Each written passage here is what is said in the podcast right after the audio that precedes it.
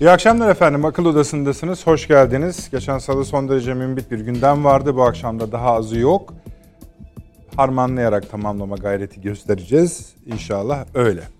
Efendim, Avrupa Birliği salı günü Avrupa Birliği görüşmeleri yapılmış idi. Yani Avrupa Birliği'nin iki en üst düzey yetkilisi Türkiye'ye gelmişlerdi ve biz programımız yapılırken o görüşmeler devam ediyordu. Sonuç bildirisi yoktu. Perde arkasını daha biz almamıştık. Şimdi aldık. Onları biraz konuşacağız. Avrupa Birliği birinci maddemiz. Avrupa Birliği değil esasında o da ayrı bir konu. Parantez içine parantez açıyor gibi oluyorum ama Avrupa Birliği ilişkilerini Avrupa bir Türkiye'nin Avrupa Birliği tam üyelik hedefi üzerinden okuyan bir bölüm var. Hayır, bir de dünyanın yeni düzeni üzerinden okuyan bir bölüm var. Biz herhalde ikinci bölümü tercih ederek bu ziyaretlere ve devamına Haziran'a bakacağız. Bu bir. İkincisi efendim, İran nükleer anlaşması, Viyana'da toplantı vardı, toparlandı. Amerika Birleşik Devletleri yaptırımlardan vazgeçebileceğini söyledi ve eski pozisyonla anlaşmanın ilk haline dönmeyi de anlaşıldığı kadarıyla başaracaklar. Bunun anlamı şu. İran üzerinde hem Amerika Birleşik Devletleri hem Çin olacak gibi bir durum ortaya çıktı. Şimdi önümüzde bir soru var. Bu yeni durum Türkiye için iyi midir? Türkiye için kötü müdür? Orta Doğu ilgili bölge için iyi midir yoksa kötü müdür? Onu konuşacağız bu anlaşma. Efendim Avrupa ABD'nin eski Avrupa Kuvvetler Komutanı Orgeneral Ben Hodges bir açıklama yaptı. Dedi ki bizim dedi Rusya'nın biraz dedi canını yakmamız gerekiyor. Bu önemli değil. İki taraftan da böyle açıklamalar duyuyoruz. Yalnız bir harita verdi. Dedi ki bu haritadaki ülkeler üzerinden biz bunu yapmamız gerekiyor. Birkaçını biliyoruz. Mesela Ukrayna dedi. Mesela Gürcistan dedi. Mesela Romanya, Bulgaristan dedi. Moldova bile dedi. Nihayetinde de Türkiye dedi. Şimdi bu haritayı da biz aslında bilmediğimiz bir harita değil. Ama o haritayı da biz bu sefer bu askerlerin gözünden de bir okumak isteriz. Ukrayna olduğu gibi ortada duruyor. Gerilim azalmış değil. Tehlike vaat ediyor. Birçok kimse biz de dahil aslında burada bir büyük savaştan bahsetmiyoruz ama işin geldiği nokta başka yerlere işte bu haritalara sıçrayacak gözüküyor. Onu da bu akşam konuşacağız efendim. Mısır efendim e, ayrı bir bahis açmamızı gerektiren bir ülke bu akşam. Bizim Mısır'la ilişkimiz malum. Yani çok güllük gülistanlık değil. İlerletmeye gayret ediyoruz. Bu yönde de hamleler var. Hatta kısa süre önce dediğim dün D8 zirvesi yapıldı. Bu D8 zirvesinin başkanlığı bizde. O da üyesi 8 ülkeden birisi de Mısır. Biraz önce Mısır Başbakanı Türkiye Cumhuriyeti Cumhurbaşkanı'na bir teşekkür mesajı yayınladı. Bu bile artık hani normalde prosedürdür, protokoldür. Önemsenmez, hiç bahis edilmemesi gerekiyor ama işte bundan da bahsediyoruz. Fakat Mısır'dan bahsetmemizin sebebi sadece Türkiye konusu üzerinden değil, Türkiye ile anlaşmazlıkları üzerinden değil, bir Etiyopya ile bir savaş durumuna yaklaşmış gözüküyor. Sudan meselesi var. Aynı denklemin içinde. Sudan meselesi dediğiniz andan itibaren de Rusya, Amerika limanlarında savaş gemileri bulunduruyor. Sudan'ın başbakanı da çıktı, Dışişleri Bakanı da bugün çıktı dedi ki Libya ile birlikte hareket edeceğiz dedi. İş iyice karıştı. Türkiye'de dahil tabii ki buna. Bir bakmak gerekiyor. Hatta bir dostumuz bu firavunların mezarlarının, altın lahitlerinin taşınması meselesinde bir konuşun bence. İlginç bir vaka dedi. Peki ona da yer vereceğiz. Peki çok daha fazla saymayayım ama şunu ekleyeyim en azından. Bir, Türkiye'nin SİHA'ları ve İHA'larına yönelik bir uluslararası yayın artışı var. Üstelik dünyanın birçok yerinden. Son olarak, son olarak demeyeyim ondan sonra da çıktı. Böyle e, Bloomberg mesela, uluslararası Bloomberg çok uzun bir makale yayınladı. Tamam peki buna alışığız. Fransız Fukuyama'dan çok her bütün gazeteler bugün bahsettiler. Dediler ki bakın öyle. Nihayet bugün Deutsche Welle üzerinden Alman Almanya'nın sesi diyebiliriz. Alman ordusunun SİHA İHA'lar konusundaki tırnak içinde söylüyorum yani tam onlar öyle bahsediyorlar. Paniğe kapılmasından bahsetti. Biraz buna değinmek istiyoruz bu akşam. Ne demektir bunlar diye. Hepsini konuşacağız. Nasıl? Tabii ki her zaman olduğu gibi Sayın Avni Özgürelli. Avni Merhaba. hoş geldiniz. Hoş bulduk. Profesör Doktor Süleyman Seyfi Öğün Hocam İstanbul Ticaret Üniversitesi öğretim üyesi. Hocam hoş geldiniz. Hoş şeref bulduk. verdiniz. Estağfurullah. E, Benim konuştuğum kadar not almışsınız daha konuşmadan. Ve Ankara'da her perşembe olduğu gibi Profesör Doktor Taşansu Türker hocam var. Her zaman olduğu gibi kulaklığını düzeltiyor ve sizin altında Mülkiye yazıyor. Taşansu hocam duyuyor musunuz? Çok çok iyi duyuyorum. Ee, Hoş Nedim geldiniz, Bey. iyi akşamlar diliyorum. efendim. Çok çok sağ olun. Çok teşekkür ediyorum. Ee, tabii D8'i de söyledim ben. Ama aslında o da önemli bir toplantı. E, tabii, D8 doğru. toplantısı. Bu kadar harala güreli içinde İran'ın, Türkiye'nin, Pakistan'ın, Bangladeş'in, Malezya'nın, Mısır'ın, Nijerya'nın, Endonezya'nın bulunduğu bir e, topluluğun bir tarafı Asya'ya yatan, bir tarafı Evet. Orta Doğu, Avrupa'ya yatan bir topluluğun esasında işlevsel olsalar yani yani daha ağırlıklı davransalar bayağı iş çıkarırlar gibi geliyor. Hatta bir haritada olacaktı galiba arkadaşlar onlarla ilgili. Bir ara onu da verin lütfen de hani dünyada tam nasıl e, öbeklendiği görülsün D8'i. Artık her öbek, bunu konuşmuştuk hatırlıyorsunuz. Bir sürü öbek oluştu dünya üzerinde. E, bir ayrı kıymet taşıyor. Siz hangisinden bahsetmek istersiniz? Salı günden şeyiniz var, mirasınız var. Avrupa Birliği'ni söyleyeceksiniz Evet, herhalde. Şöyle, Oradan mı açılalım e, isterseniz hazır D8 diye Ha, öyle değinelim, olur. Yani Allah rahmet eylesin Erbakan Hoca'nın Öyle. e, kurduğu bir yapılanmadır bu. Bugün hala ama o geçerliliğini koruyor. Ama benim sözünü etme edeceğim bu süreçte e, e, bu hafta e, Mısır, Yunanistan ve Güney Kıbrıs ortak bir toplantı tertiplediler, bir araya geldiler. Gerçi Mısır'ın biraz gönüllü gönülsüz, biraz iteklemeyle bir araya geldiği şey yapılıyor ama burada e, şunu unut, göz ardı etmeyelim. Yunanistan Başbakanı Mitsotakis hem Libya'yı ziyaret etti, hem Mısır'ı ziyaret etti, hem İsrail'i, herkesi bu işi yani Yunanistan şeyi Güney Kıbrıs'ı da herkesi bu işe katma için olağanüstü bir ısrarla hepsini şey yaptı. Artık geri çevrilmesi de çok ayıp gibi olacağı için midir nedir? Bir araya geldiler bunlar. Ee, Yunanistan gerçekten bir panik halinde.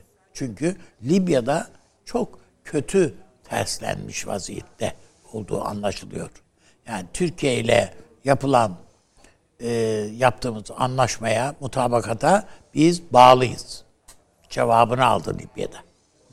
Son derece önemli. Çünkü biz e, bu bu Türkiye ile yaptığımız anlaşmayı gözden geçirebiliriz, değerlendirebiliriz filan tarzı bir cevap bekliyordu. Cebine Avrupa Birliği'nin kartını da koymuş gel, gelmişti oraya. Yani bak bu böyle yapmakla bu bu kararı vermekle Avrupa Birliği'ni de mutlu etmiş olursun. Ben Avrupa Birliği nezdinde senin Libya'nın veya senin yönetiminin Avrupa Birliği nezdinde referansın olurum. Olurum. Hem ben hem Güney Kıbrıs. Diyerek ama e, bu hesap orada Libya'da tutmadı. Mısır'dan da e, Tabii Li- verin arkadaşlar D8 haritasını verin. Avni abi konu, tamam, yani konuşuyor. e, şey yani e, orada da tuttuğu e, Mısır Dışişleri Bakan Yardımcısı seviyesinde tuttu. Yani üst seviyede başbakanın davetine üst seviyede bir iştirak olmadı. İsrail katılmayı da reddetti. Yani resmen bir reddediş değil ama gelmedi İsrail.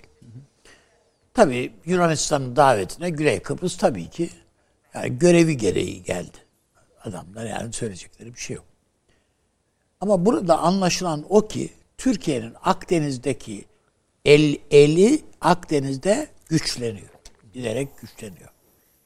Sadece Libya'dan dolayı değil, İsrail'den dolayı da güçleniyor.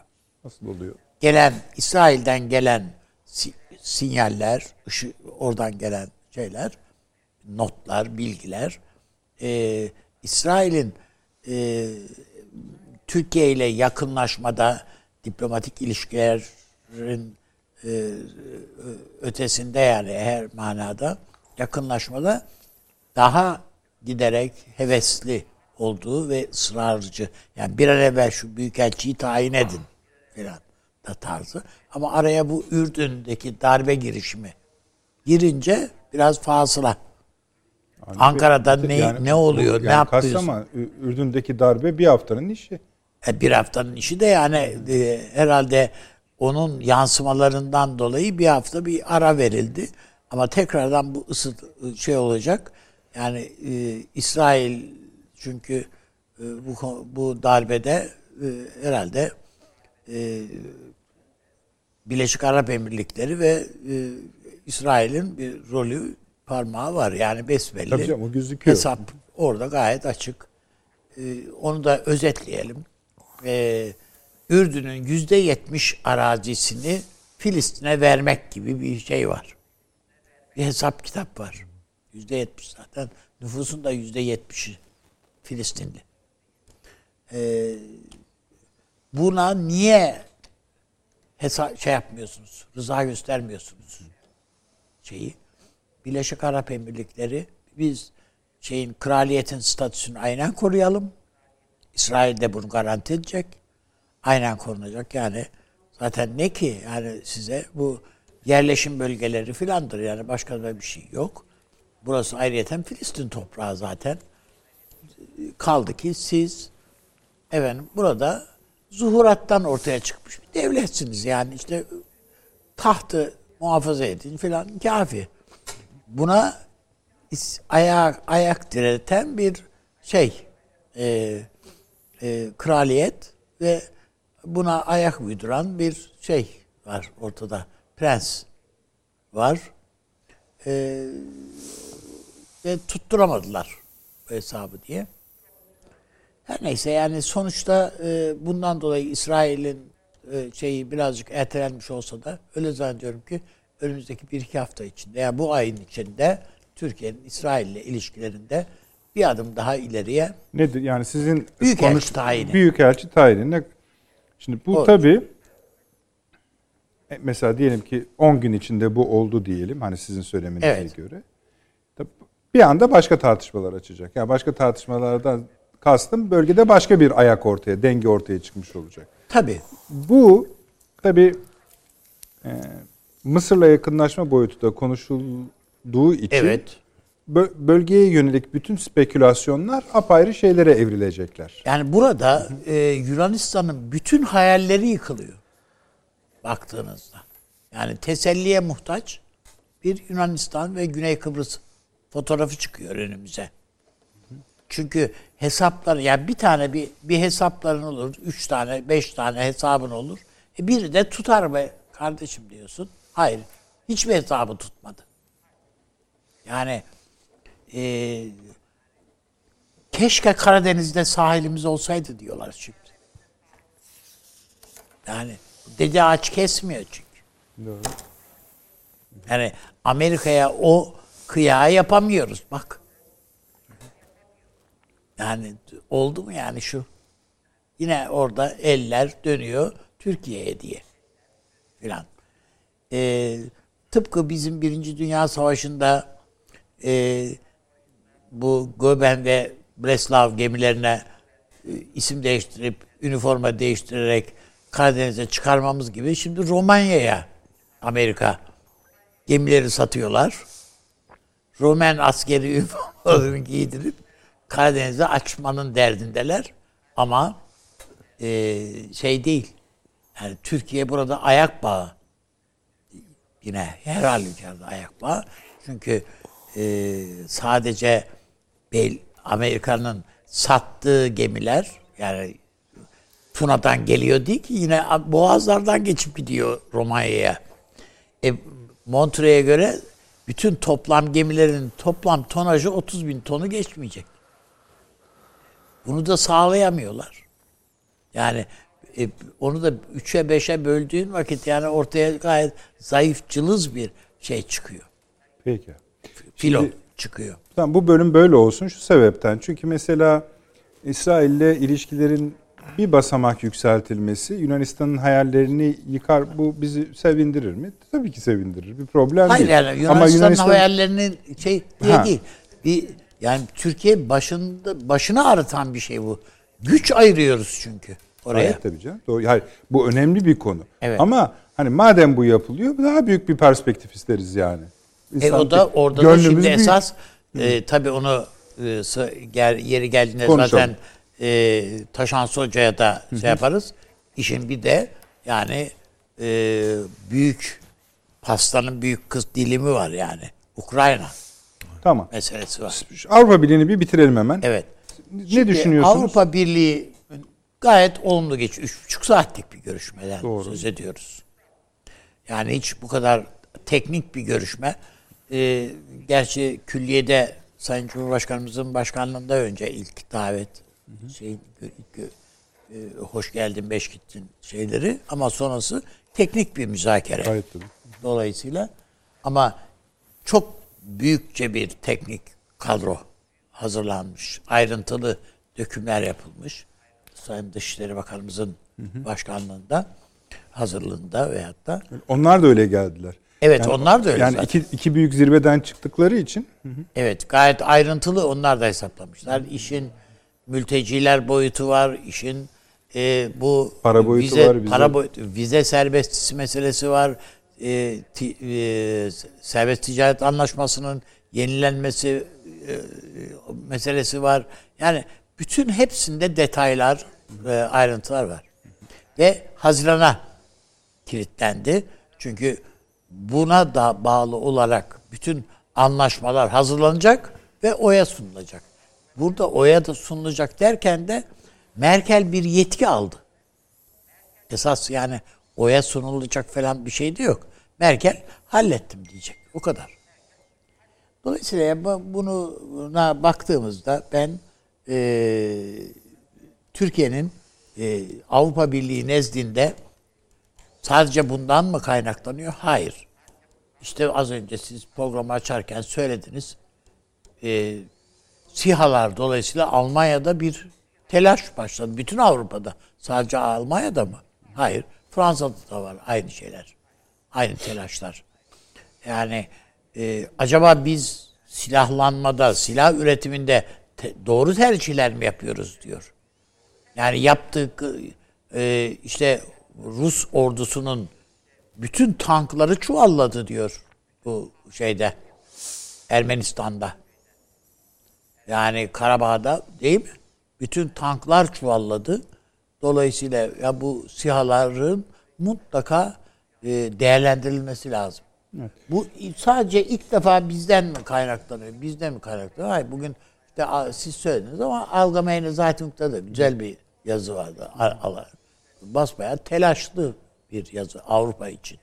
Onu sanırım yani diğerlerini kabul edebilirim. Almanya sanırım başka bir vesile için kullanacak bunu. Çünkü onların askeri yapıları böyle bir şeyi hiç kalem açmamışlar muhasebatlarında. E tabi doğru. Açmamışlar. Şimdi bir anda 13 milyar avroluk bir kalem açıyorlar.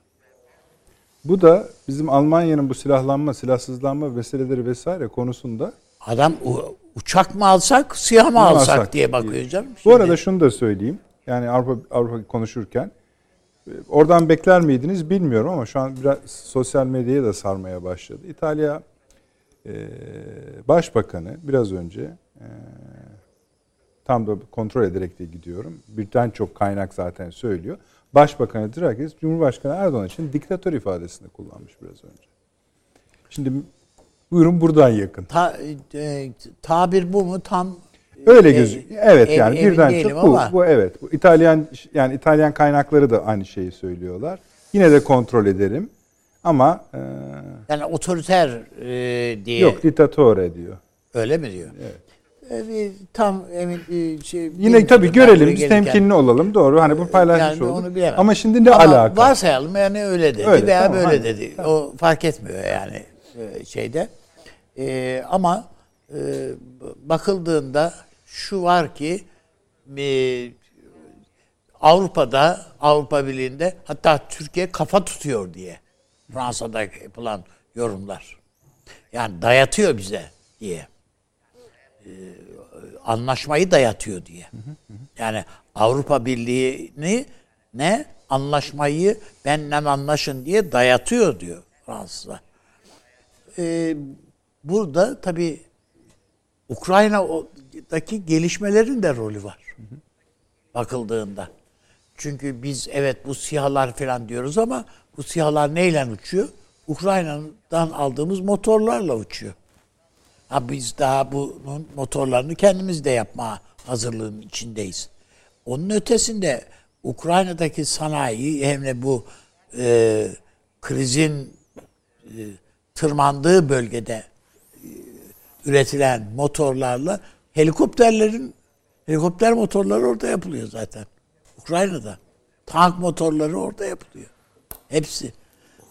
Bütün bunlara bakıldığında Türkiye'nin Ukrayna ile güven silah e, yani e, savunma sanayindeki işbirliği basbaya batıda ondan, acaba ne oluyor? Evet Rusya'yı Rusya'ya bir şey yaptığı yok. Yani Rusya kardeşim bu nasıl bu Ukrayna'ya sen bu desteği veriyorsun veyahut da bu ilişkiyi kuruyorsun diye Ankara'ya sorgu yap sorgu sual yöneltmiyor.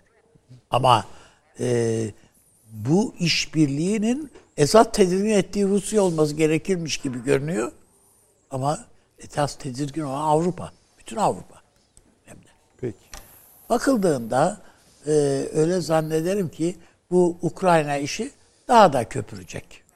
Ayrı, ayrı kalem konuşalım. Evet. Yani önümüzdeki haftalarda daha Bu da akşam da görecek. biraz tekrar değiniriz. Ha, bir gayet açık, kesin yani neredeyse e, bu bir silahlı çatışmaya gitmeyecek, olmayacak.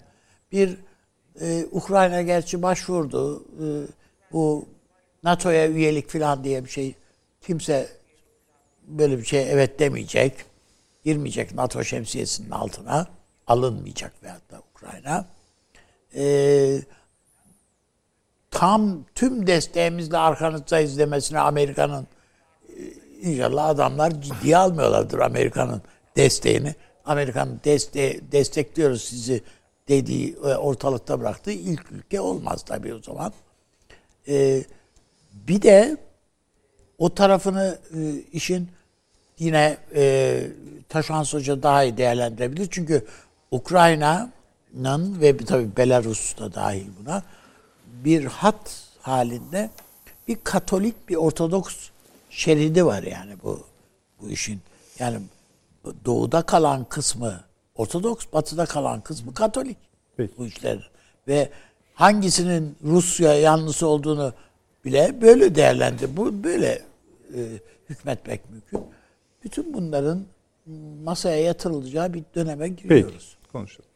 Süleyman Hocam bu Avrupa Birliği Zirvesi'nin bu haliyle çok konuşulacak bir şey yok. Önemi bu kadar üst seviyede yeniden bir şeyi toparlamak adına her iki tarafında pozitif gündem neye sıkışması. Bu. O kadar uzun bir aranın ardından geldi ki herkes buna da yani hoş geldiniz dedi. İki tarafta hoş geldiniz dedi. Ancak bu hoş geldinizlerin sebebi özlem değil. Her iki tarafında Avrupa Birliği üyeliği ya da üyeliği olmasın başka e, sahipleri var. Haziranda da bunlar bağlanacak burada konuşanlar. Bağlanacağı gözüküyor. Büyük bir terslik, aksilik, şu bu falan filan olmazsa. Bağlayacaklar yani işte bu maddeler neyse paraysa para, vize ise vize bilmem neyse. Türkiye'de buna göre davranacak. Ama asıl mesele ne? Yani çünkü ben şunları da görüyorum. Biliyorsunuz Türkiye'de Avrupa Birliği işi çok uzun süre devam ettiği için buna yaslanarak gelişmiş çok fazla akıl, STK, şu bu vesaire var. Bunlar şimdi coşkuyla yapıyorlar bu işleri. Genellikle de Avrupa Birliği tam üyeliği üzerinden de kuruyorlar işi. Öyle bir şeyi biz tam nasıl görüyoruz? Resmi değil de bu. Onu da söyleyeyim. Siz ben de söylerim de yani hani siz nasıl görüyorsunuz? Eğer öyle görmüyorsanız arkasındaki maddelerin üzerinden geçelim isterim. Tamam. Yani şimdi bir kere e, bunu Avrupa Birliği ilişkileri, Avrupa Birliği ile Türkiye arasındaki ilişkilerin e, yeniden bir balayı yaşamaya başladığı biçiminde yorumlayanların saatleri 1990'larda filan e, durmuş olsa gerekir. Yani ondan sonra yaşananları hiç görmüyor olmaları gerekir. Bir kere hangi Avrupa Birliği'nden bahsediyoruz? Bütün sorunlarını falan bir tarafa bırakıyorum. Yani Avrupa'nın mevcut sorunları hakikaten derin çatlaklar, e, sarsıntılar bunları ihmal ederek söylüyorum. Stabil bu haliyle stabil bir Avrupa Birliği dahi genişlemek yolunda en küçük bir adım atmaz. Kaldı ki bunun öznesi, adayı Mümkün olsa daraltacaklar hocam zaten. ki Türkiye ise hiç olmayacak bir şey. Yani dolayısıyla bu gitmeleri, gelmeleri, yeniden üyelik görüşmeleri, e, müktesebat tartışmaları e, bu gibi noktalarda değerlendirenler bence ya bir tür belki nostalji yapıyorlar. Belki biraz dilek yüklü bir akıl yürütmeyle böyle görmek istiyorlar. Alakası yok. Güzel. Yani, Yani, Avrupa zaten bu haliyle o cümleyi kurdunuz zaten. Hani Avni Bey de katıldı.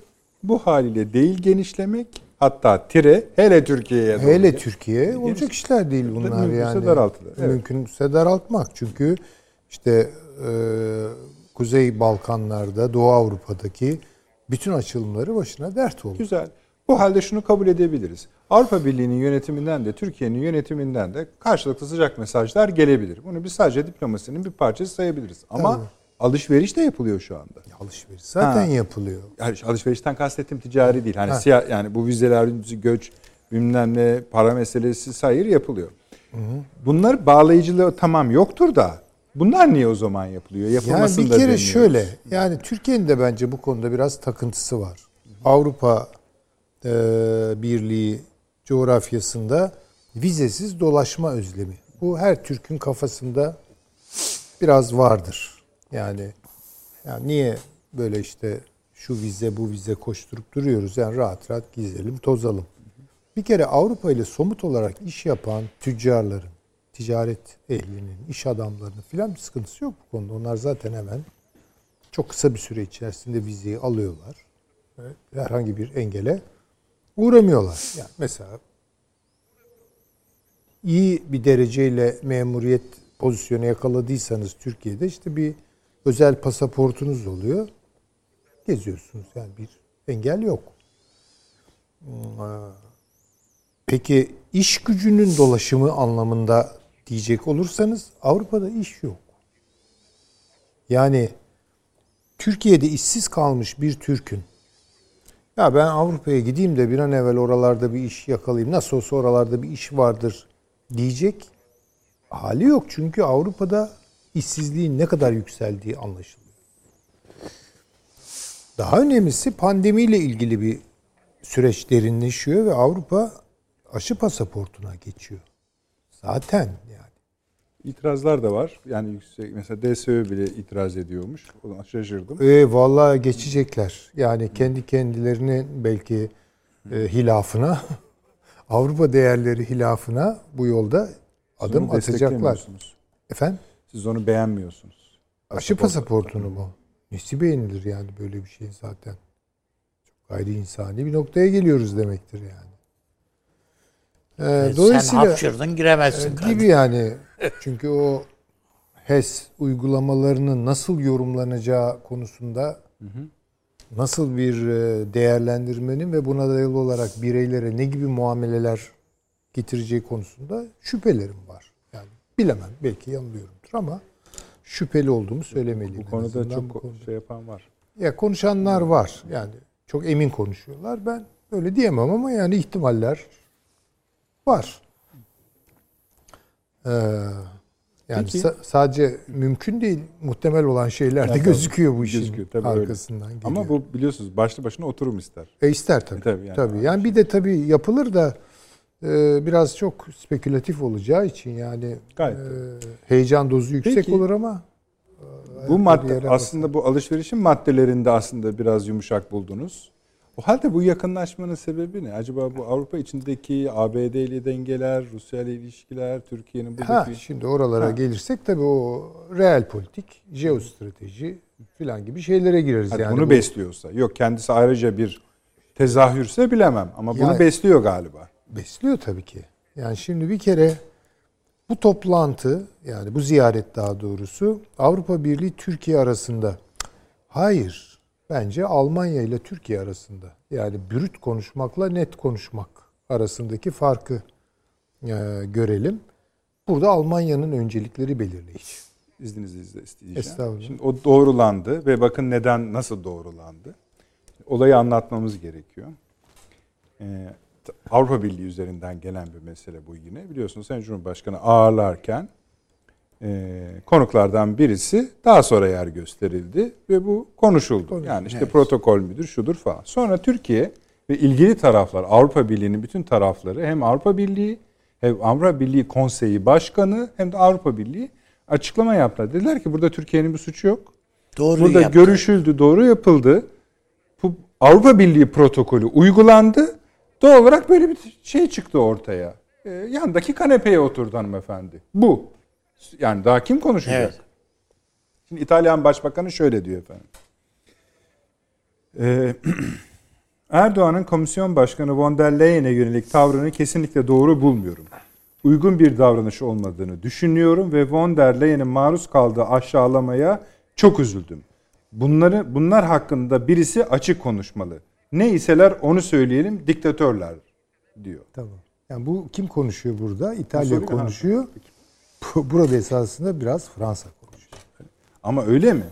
Bence de öyle. hocam neden öyle diyorsunuz yani? Şimdi yani bu Almanya Normal şartlarda bunu beklemeyiz biz İtalya'nın Tabii, buraya kadar gelen süreçte. tabii ki bu İtalya'nın İtalya'nın Almanya'nın e, kendi önceliklerini devreye sokarak bir Avrupa Birliği politikası belirlemesine itiraz ediyorlar.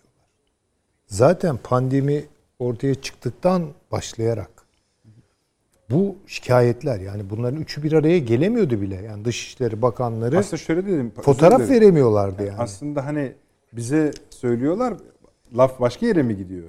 Bence laf Almanya'ya Almanya'ya gidiyor. gidiyor. Yani, Tabii ki. yani Fran yani, Gelinim sana Oo, söylüyorum de bunlar gibi. iyice artık bizim işler İşte karışıyor. onu diyorum ya Yani- öyle bir homojen Oho, Avrupa Birliği. Yani bu günlük konuşmalarla çözüleci. İtalya konuşuyor Türkiye aleyhine. Ses nereden geliyor? Fransa'dan. Türkiye hiçbir şey demese de olur çünkü aslında Berlin'e söylüyor. Haberini söylüyor. Böyle, Tabii, böyle tabii. Evet, doğru. Tabii. doğru. Yani bu Avrupa'nın e, Tabii ki içindeki cevap oda, verecek mümkün değil. Ama bir oda kavgaları bunlar. bir yani. boyutu da şey tabii yani aslında bütün bunların Almanya açısından o bir hedefi amacı var. O da NATO'yu yeniden şekillendirme hesaplarının içi- içerisinde yani Amerika'nın e, o hesaplarında Almanya'nın kendi pozisyonunu buna ayarlıyor Bu ve önemli. Türkiye'nin bu, bunun Türkiye'ye bunun için verdiği rol Ha, yani çünkü Buyurun. Almanya Amerika Birleşik Devletleri'nden gelen presi karşıladı. Ne konuda? Rusya ile yaptığı o doğal gaz e, Hatta anlaşma. Türkiye ile Evet. de göğüs. Tabii tabii. Yani dikkat edelim. Ee, hanidir Amerika'dan bu yolda bir ağır eleştiri falan gelmiyor. En son galiba işte bir e, Dışişleri Bakanı böyle bayağı ağır bir yani yapmayın bunu uyarıyoruz sizi filan dedi ama maşallah ikinci anlaşma yolda. Şu anda herkes yani herkesin dişine kan değmiş durumda, Durumda. Amerika konusunda. Ha yani dolayısıyla şimdi Amerika açısından düşünelim. Almanya bu kararlılığı gösteriyorsa Almanya'yı bu konuda sıkıştırmak Almanya'nın NATO disiplinine dönük arıza çıkarma potansiyelini arttırmak anlamına gelir. Hocam zaten Onun için- şey boru hattı zaten yapılmış bitmiş artık. Ha, daha neredeyse. bitmedi. Ha yani, Yani bitmek üzere yani. Bitmek Çok üzere. Az, çok az. Bitmek üzere. Ama durdurun diyor bu haliyle bile durdurun.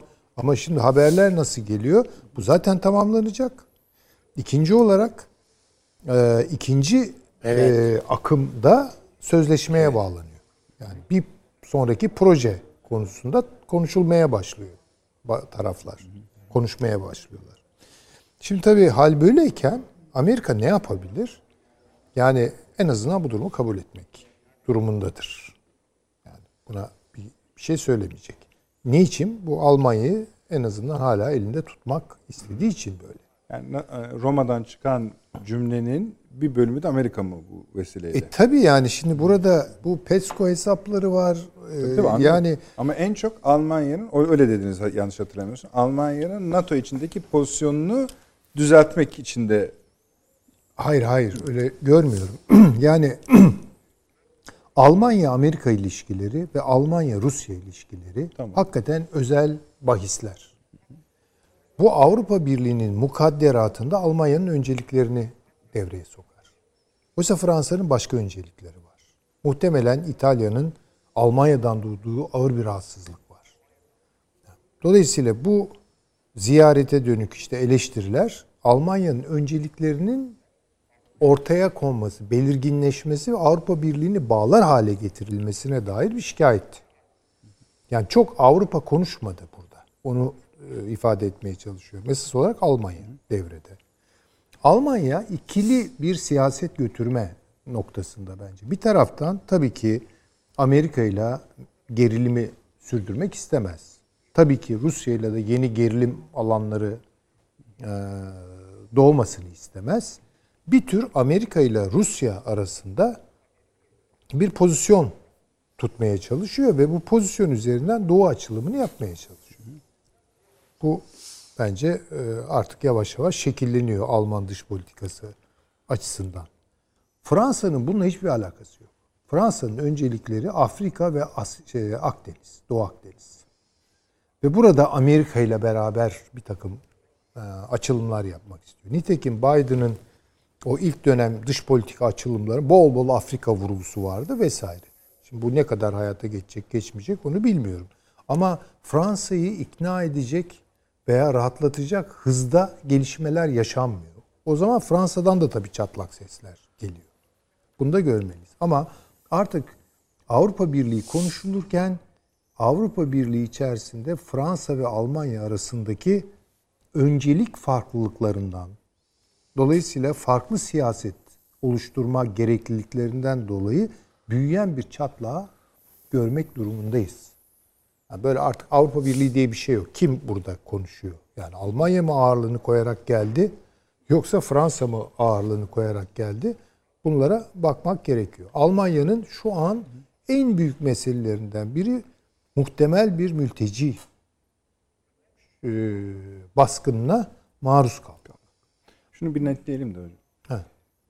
İtalya'nın bu çıkışı. Şimdi bu belli ki böyle hani laf arasında ağızdan kaçmış falan bir şey değil. Açık. Ee, Komisyon Avrupa Birliği Komisyon Başkanı Leyen hanımefendinin burada ayakta bir süre kalmasıyla ilgili değil mesela. Olamaz. Değil değil tabii canım. Bu neyle ilgili? Bu ziyaretin Avrupa Birliği'nin politikalarına yönelik ifade ettiği şeyle Yani ilgili. Avrupa Güzel. güçlerinin tamamının ortak e, ne diyelim öncelikleri üzerinden olmaması. Olmamız. Ve şu ana kadarki yani okumamız bize bu sadece İtalya'nın fikri değili gösteriyor. Yok efendim. Tabii ben de öyle görüyorum. Yani Fransa ile İtalya arasında da problemler var. Onu da görelim. Yani hatırlayalım çok yakın bir geçmişte bir Avrupa Birliği toplantısı yapıldı. Yani fotoğraf veriyorlar ya aile fotoğrafları. İşte Dışişleri Bakanlarıydı yanılmıyorsam. Fransız Dışişleri Bakanı, Alman Dışişleri Bakanı, işte iyi kötü çıkla İtalyan Dışişleri Bakanı gelmedi. Ben sizin aranızda fotoğraf vermeyeceğim dedi. Şimdi buyurun yani. Bu nasıl bir Alman şey, nasıl bir Avrupa Birliği? Ya bunlar bence işte bu çatlaklar büyüyecek. Burada zaten hocam e, kimin nerede oturacağı bile Avrupa Birliği protokolü tarafından belirlenmiş belli- zaten. tabii Avrupa Yani- Birliği bir şey demiyor. Ama Komisyon başkanı bir şey demiyor. komisyon başkanı doğrudan gidip Tayyip Bey'in yanına oturdu. Tabii. Yani Hani- evet. hesabı bozdu O yani. daha üstte zaten. evet tabii Yani canım. öyle o daha üstte. Ama şöyle de bir şey var. Avrupa Birliği'nin resmi açıklaması da o yönde. Her neyse ben en çok şuna bakarım. Türkiye bunu kasıtlı yapmadı. Yap, yani Hayır bunu efendim. tabii kasıtlı yapacak bir ülke Yani değiliz. o Biz asla yani- Acemi bir diplomasimiz falan yok, Yok tabii ki bir yani. şey. Bu, bu kaç yüzyılların getirdiği bir birikim. Ee, ama dediğim gibi şeyi gösteriyor. Ya İtalya'nın özel olarak bir Türkiye derdi yok. yok. Ama bunu kullanmak suretiyle bir şey söylüyor. Yani kime söylüyor? Adrese bakmak lazım. Yani Siz ilk- Sayın Erdoğan bunu herhalde üzerine çok almayacaktır. Yani çok ciddiye bile alacağını zannetmiyorum. Bir cevap ama, gelir muhakkak. Yani gelir. Aa, Tabii canım yani dışları onun cevabını, cevabını verir. verir. Yani ama Almanya adrestir burada. Siz öyle görüyorsunuz. Ben öyle Peki. görüyorum. Siz de mi öyle, Öyle görüyorsunuz Avni Bey? Ben e, evet bunun için böyle görüyorum çünkü bu süreci yani yeni konuşmuyoruz. Yani yılbaşından beri hatta Eki- Ekim ayından beri konuşuyoruz. Yani Almanya bir Türkiye ile alakalı bir süreci üstlendi, aldı, götürüyor ve bunu Avrupa Birliği içerisinde bunun bayraktarlığını yapıyor. Yani bütün Peki. sponsorluğunu Türk e, Almanya yapıyor. İtalya şaşırtmadı mı sizi? Yani diyelim ki o şey yapmıyor. Şöyle, İtalya'nın şaşırtması değil. Ee, Akdeniz üzerinden Fransa ile Fransa, İtalya ve İspanya üçlüsü üzerinden bir ilerlemenin olabileceği düşünüyordu. Ama İtalya biraz da kendi durumuna baksın. Yani Kıbrıs'la alakalı filan kendi tav izledikleri tavırlara da baksınlar yani. Siz de e, yani mektubun gittiği adreslerden birini Tabii canım hiç Berlin olduğunu bir adreslerden biri değil yani. Bir Doğrudan esas soruya gibi zaten o. Peki bakalım Taşansı hocamız bu adresler konusunda ne düşünecek? Ee, iyi ki Avrupa Birliği kaleminden başladık. Yani e, aslında hani şöyle bir tozunu alırız çıkarız esas konulara geçeriz diyorduk ama bakın İtalya'dan nerelere geleceğiz şimdi. Taşansı hocam bir Avrupa Birliği aynı soru sizin için geçerlidir. Ee, o konudaki görüşlerinizi rica edeyim. İkiye ayırmıştık biliyorsunuz. Bir klasik Türkiye-Avrupa Birliği ilişkileri bu ziyaretle ne, de- ne aşamaya gelmiş oluyor? İki, konjonktür yani şartlar yeni dünya düzeni açısından nedir? Ve üzerine de işte bu İtalya'nın, Roma'nın yani terbiyesizlik tabii öyle söylemek durumundayız. Ee, nasıl yani bunun üzerine yedirilebilir konuştuğumuz konunun?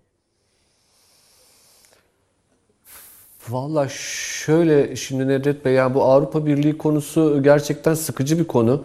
Ee, ben de emin olun çalışmaktan falan da çok sıkıldığım konulardan bir de Kıbrıs tanesidir. efendim. Yani komis yani yok Kıbrıs'ı ben e, çok önemsediğim için hiç Yo, Avrupa'yı da önemsiyoruz yani efendim. Konular hiç ilerlemiyor olabilir de e, yani Avrupa'nın da tarihini severiz de işte bugünkü hali bir ilginç bir şey. Şöyle şimdi bu e, Avrupa'da ritüelleri, protokol kuralları vesaire bakacak olursak eğer e, şöyle söyleyelim. Bir Avusturya Macaristan İmparatorluğu vardı. Kutsal Roma Cermen İmparatorluğu bitti. Bir Prusya devleti vardı, Alman devleti. O 2. Dünya Harbi'nden sonra bitti. Ee, bir İtalya vardı, o da 2. Dünya Savaşı'ndan sonra bitti ama ve ritüellerini devam ettiren kıta Avrupa'sında bir Fransa var. Fransa kaldı yani elde. Ee, dolayısıyla bir protokol kuralı olarak baktığımızda orayı görüyoruz. Geri kalanlarda bir emin olun bir e, hengame hali, gerçekten protokol üretememe hali. Yani bir İngiltere'nin protokolüne baktığınızda, Rusya'nın protokolüne baktığınızda ya da Türkiye'nin protokolüne baktığınızda bir klasik ciddiyet görürsünüz. Ama Avrupa Birliği'nin protokol kuralları birazcık sıkıntılı. Ben sondan başladım sizin sorularınızda. Anladım. Kusuruma bakmayın ne olur. Yo yo hayır Ee, öğrenelim. e, yani dolayısıyla şimdi e, estağfurullah ya burada bir şey var hani e, hangisi üstte hangisi altta vesaire vesaire bir eş başkanlar mı eşit değerdeler mi E, bu Avrupa Birliği'nin kendisinin protokol kurallarıyla ilgili bir protokol sıkıntısı olduğu belli. Yani e, ne yapacaksınız yani bir tane koltuğa iki kişiyi mi oturtturacaksınız? Bu de bu, bu işler biliyorsunuz önceden protokol ekipleri çalışır vesaire o şekilde olur. E, Dolayısıyla hani orada bir hata olduğu kanaatinde ben değilim. Yani olmayacağını düşünüyorum. Türkiye tarafı hata yapmaz böyle şeylerde diye bir Eyvallah. sabit fikrim vardır. Çünkü çok e, bizim şeydir yani gerçekten bu konulara çok e, önem verilir hariciyede. Dolayısıyla bir hata yapmazlar diye düşünüyorum ama Avrupa Birliği'nin hani bir protokol kurallarını netleştirmesinde zannediyorum dünya açısından bir fayda var. Şimdi bu ikinci harp sonrası Amerikanizasyon içerisinde bir rahatlık, bir böyle protokolleri aşalım vesaire ritüeller çok da önemli değil gibi bir kültürün içinde oluştu Avrupa ama ya unuttukları şöyle bir şey var. Amerikanize oluyorlar ve fakat Amerika 18. ve 19. asırda kuruldu. Dolayısıyla onların ritüelleri ve protokollerinde hiçbir sıkıntı yoktur. Yani Amerikan protokol sistemi de son derece serttir. Gayet neyin neyin ne olduğu belli. E, klasik bir sistemdir onların da. Avrupa'da sıkıntı var. Onu bir elde var bir koyalım. Hani şu görüntüyü mesela arada veriyorsunuz. Hani E, Avrupalılar hiç alışık olduğu şeyler değil artık bunlar. Çünkü bir nasıl söyleyeyim bir bir garip bir tırnak içinde e, protokolsüz bir devlet algısı vesaire ama dünya o tarafa gitmiyor. Avrupa Birliği de böyle bocalıyor diye düşünüyorum. Bu protokol e, krizine dair e, bunu söylemiş olayım. Şimdi İtalya Başbakanına baktığımızda ee, orada şunu unutmamamız gerekiyor. Bir ay evvel hükümet değişti biliyorsunuz İtalya'da. Evet, yani biz bu programda birkaç defa tekrarladık. Akdeniz'de Fransa'nın çıkarlarının karşısında bir İtalya var ve İtalya ulusal çıkarları çerçevesinde Libya'da Türkiye ile ortaklaşma ihtimali yüksektir diye epeyce tekrar ettiğimiz konulardan bir tanesiydi bu. Aynı şekilde e, örneklerini de vermiştik. İtalya'nın saldırgan olduğu dönemde 2. Dünya Harbi arifesinde e, Türkiye Fransa ile yakınlaşmayı tercih etmişti mesela. Hani bu bir dengedir İtalya-Fransa dengesi Türk dış politikasında diye ve fakat Conte gitti e, yerine Draghi geldi. Ee, yani İtalyan iç siyasetiyle çok programı boğmak istemiyorum ama hı hı. E, Draghi e, doğrudan doğruya yani Biden yönetiminin e, rüzgarını almış olan bir yönetimi temsil ediyor İtalya'da. Dolayısıyla işlere birazcık o çerçevede bakmakta fayda vardır. NATO çerçevesinde ve Fransa ile daha fazla uyumlu olma çabası içerisinde yeni bir hükümet var. Ve hani söylem düzeyine de baktığınızda Biden yönetiminin hassasiyetlerini tırnak içinde söylüyorum aynen taşıyan bir e, yönetimin e, aynı hassasiyetlerin yansıması olduğunu görüyorsunuz. Yani bunlar işte kadın hakları ve otoriteryenizm olarak iki başlık altında toplayabiliriz bunları. Burada tabii yani şu biz kızalım edelim işimiz odur onu söyleriz ama bir şeyde tespit etmekte fayda var. Bu, bu algının kırılması gerekiyor. Bizim de orada bir işimiz var kesinlikle. Hani ne kadar kırabiliriz bilmiyorum ama biz doğruyu söylemek durumundayız e, yani onlar söylesin biz susalım ne yapalım canım açık değil mi gibi bir tavır doğru değildir. Onlar söyleyecek Türkiye tarafı da söyleyecek ama kendi argümanlarını. Oradan e, geri adım atmamak gerekiyor. Ben dediğim gibi affınıza sığınarak sizin sorularınıza tersten başlayıverdim. Yok yok hiç öyle bir hiyerarşi sıra, bir öyle bir sıramız yok. Siz rahat olun. Sağ olun, sağ olun, sağ olun. Ee, şimdi o çerçevede e, yani bu dedim ya sıkıcı Avrupa Birliği konuları. Yani neden sıkıcı? Mesela hani siz de söylediniz. Mesela Kıbrıs konusu da öyledir. Avrupa Birliği konusu da öyledir. Neden ilerlemiyor diye. Yani bir ilerleme göremeyiz. Yani AB içinde de bir sıkıcılık vardır. Türk-AB ilişkilerinde öyle. E, Kıbrıs konusunda da öyledir ama şimdi AB ile Kıbrıs'ı şöyle ayırdım ben de. E, evet ikisi de ilerlemez, ikisi de insanları sıkar haber anlamında ama hani AB'den artık Türkiye umudunu kesti galiba. Ee, hani biraz önce stüdyoda Avni Bey Üstadımın da Süleyman Hocamın da aslında altını çizdiği husus buydu. Şimdi bu görüşmeler ne anlam ifade ediyor dediğimizde Hani şöyle hatırlayalım 90'lı yıllardaki bir Avrupa Birliği ile Türkiye'nin bütünleşmesi, tam üyelik bunlar mıydı gündemde olan? Hiç hiç alakası yok. Gündemde olan şey normalizasyon. Olup olanı bu. Normalizasyon. Yani zaten AB liderlerinin yaptığı açıklamalardan da bunu görüyoruz. Türkiye tarafının yaptığı açıklamalardan da. Yani ileri bir hedef yok. Sorunların ortadan kaldırılması için bir başlangıç. Yani bir görüşme platformunun oluşturulması olarak değerlendiriliyor iki taraf açısından da. AB bunu şöyle formüle ediyor. Avrupa Birliği'nin güvenliği konusunda ama en yakın vadede ve en somut örnek olarak göçmenler konusunda Türkiye'ye muhtacız. Bu. Biz diyorlar mecburen konuşacağız. Yani biz böyle işte baskı yaparak ondan sonra e, görüşmeyerek vesaire bu adamları yola getiremedik. Yani e, ben mealen söylüyorum. E, yola getiremediğimize göre gidelim konuşalım bari ne yapalım olmadı o zaman e, konuşma yolunu tercih edelim diyorlar. Peki Türkiye tarafı ne diyor? E, Türkiye tarafı da e, biz Avrupa Birliği bizim en önemli ticaret partnerimiz. E, belirli kültürel yakınlıklarımız var, belirli tarihsel yakınlıklarımız var. Bu çerçevede sorunlar içerisinde değil, e, sorunları olabildiğince çözmeye çalışalım. Mevzu bu. E, ancak bunu bir genel çerçeve içerisinde oturtturduğumuzda hani orada stüdyoda konuşulanlara aynen katıldım belirtmek isterim. Yani Almanya ve Fransa'nın ayrışması Avrupa Birliği içerisinde İtalya'nın Fransa'ya eklemlenmesi son 1-2 ayın içinde tespit edilebilir ve Almanya'nın bir şekilde daha stratejik baktığını görebiliyoruz. Çünkü göç hususu yani göçmenlerin hiçbiri emin olun yani 10 göçmen giriyorsa Avrupa Birliği'ne 9 tanesi Almanya'ya gidiyor. Yani belki bir tanesi gidiyorsa Fransa'ya e, gidiyordur herhalde. Yani Fransızların umrunda değil dolayısıyla göç. İtalyanlar açısından göç şöyle bir sıkıntı. İtalya e, biliyorsunuz kuzey-güney hattında olan bir ülke. Güneyden giriyor göçmen uzun bir yol kat ediyor. Takribi 1500 kilometre kadar İsviçre sınırına ya da Avusturya sınırına çıkana kadar. İtalyanların da derdi o yani göçmen İtalya'da yerleşecek hali yok. İtalyan kendisine iş bulamıyor zaten. Şimdi göç dolayısıyla Fransa ve İtalya için çok e, can yakıcı bir sorun değil ama Almanya için can yakıcı bir sorun.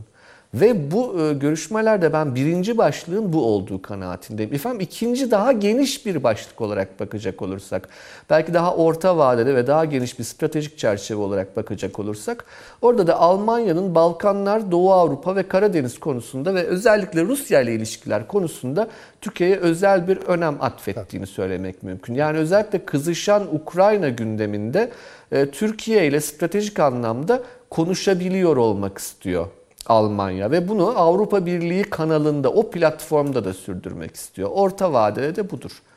En en en üst platformda bakacak olursak yine e, efendim Almanya şunu görüyor. Orta Doğu'ya açılmak için de Kafkasya ve Türkistan dünyasına açılmak için de ve Çin-Almanya arasındaki ticaret hattının güvenliğini sağlayabilmek için de Türkiye'ye muhtaçtır.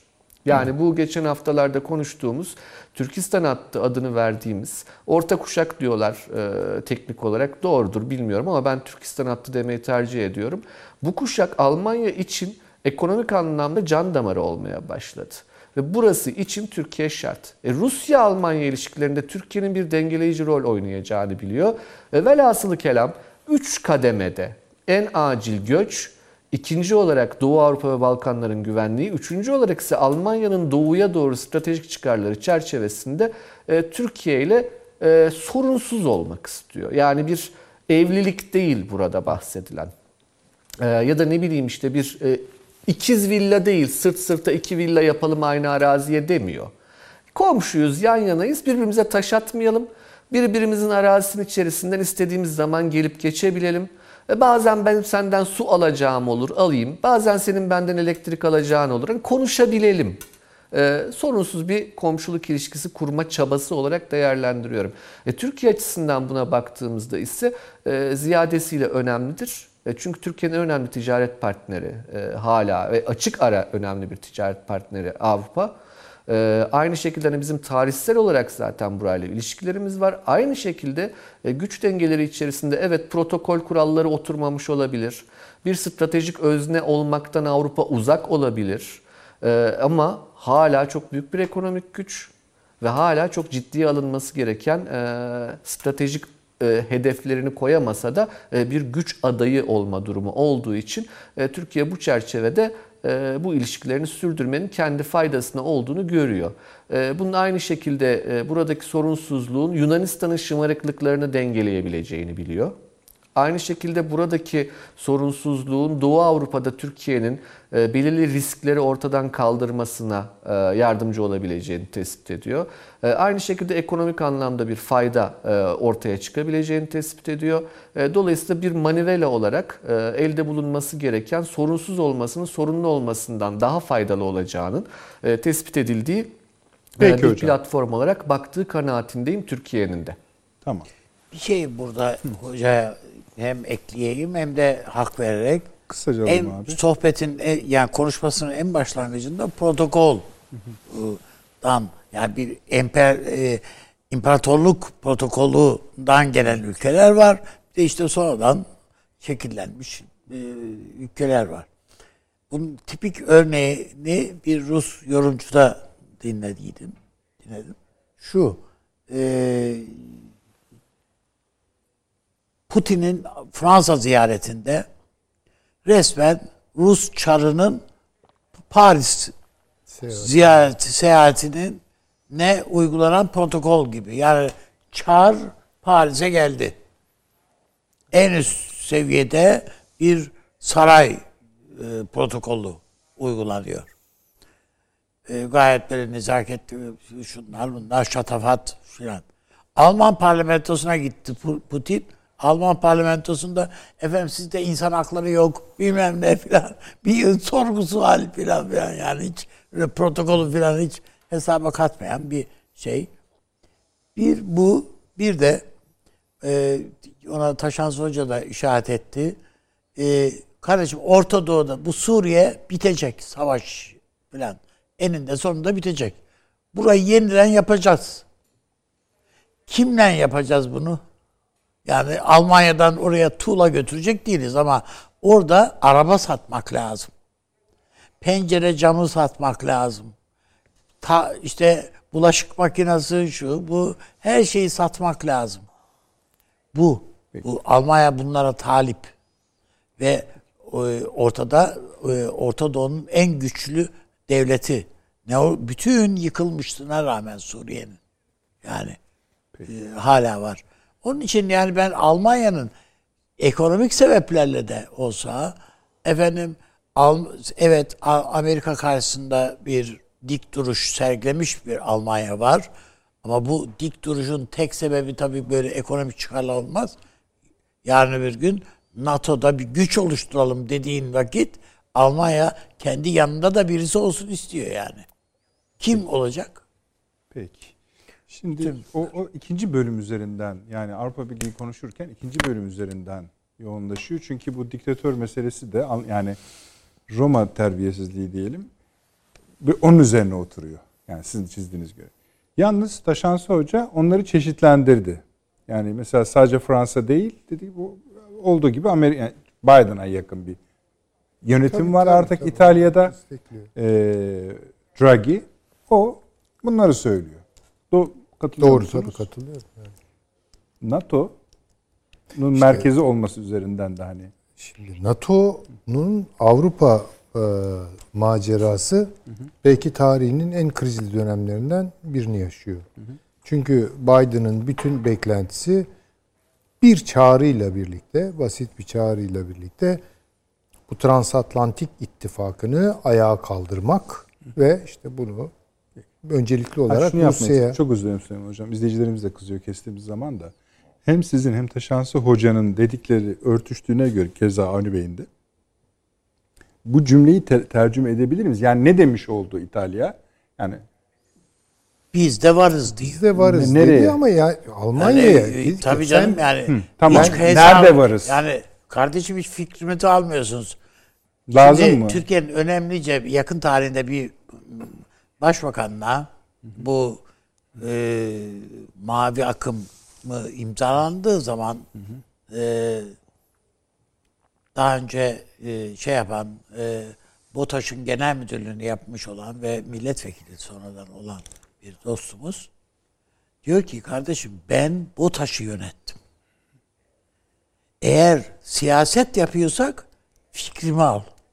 Yok siyaset değil de çeteysek payımı ver diyor.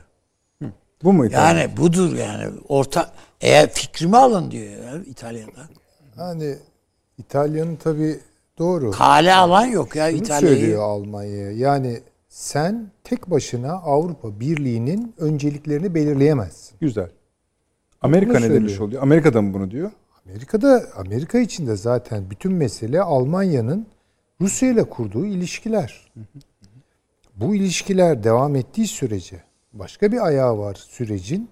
Avrupa ekonomilerinin Çin'e eklemlenmesinde önlenemez gidişat. Şimdi baktığınız zaman Avrupa'yı artık doğuya çeken süreçler işliyor. Bunu tersine çevirmek istiyor Biden.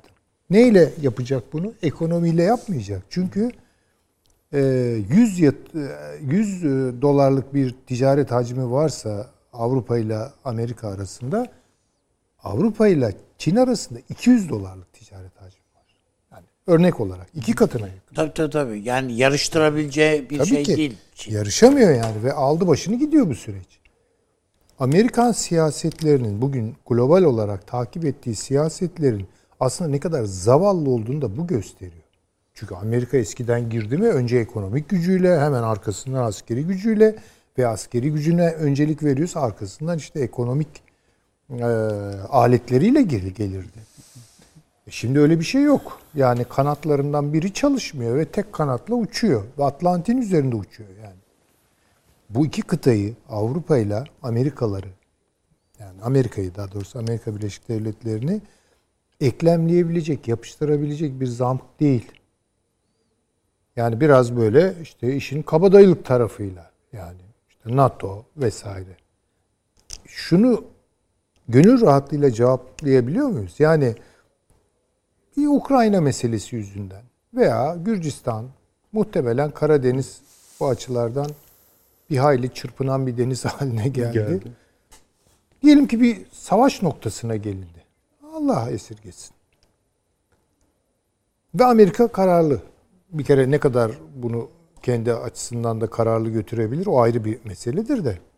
Tutalım ki öyle. NATO'ya da eee, diyelim ki çağrı yaptı. Gideceğiz Ruslarla cenk edeceğiz. Ne yapacak Almanya? Evet cevabını verecek mi acaba? Aynı soru Yok. bize de soruluyor. biraz. Tabii bize de soruluyor. Evet, Bakalım acaba Türkiye böyle- Ha. tamam diyecek mi buna? Yani şimdi bakınız İtalya'nın bu sözü tamam dedi, de, de- denmesini isteyen. yani şunu söylüyor Biden ağzıyla diyor ki ey Almanya kendi derdine düştün. Önceliklerin üzerinden peşinden sürüklüyorsun hepimizi. Hepimizin başka başka öncelikleri var. Bir de küresel bir öncelik var. Yani Amerika'nın söyledikleri Ha, var. tamamdır. Güzel. Burada bir virgülse Taşansı hocama geçeyim. İşte Taşansı hocam. Bu e, açılışta atıfta bulunduğum ABD eski Avrupa komutanı Ben Hac, General Ben Hodges'ın işte bu çizdiği harita Ukrayna, Gürcistan, Romanya, Bulgaristan, Türkiye, Moldova e, bu Moldova gelince de hep vurguluyorum. İnsanlar yanlış anlamasın. Bu hayli zor bir ülkedir Moldova. Yani hem çok fakirdir hem çok küçüktür. Ki bir de o yetmezmiş gibi bir de kendi bölünme davaları, var. Davaları Güney filan vesaire de. Onun için söylüyorum. Bana şöyle de bir şey anlatmışlardı. Bu ilk parçalandığı zaman Sovyetler bir tane savaş uçağı düşmüş bunlara.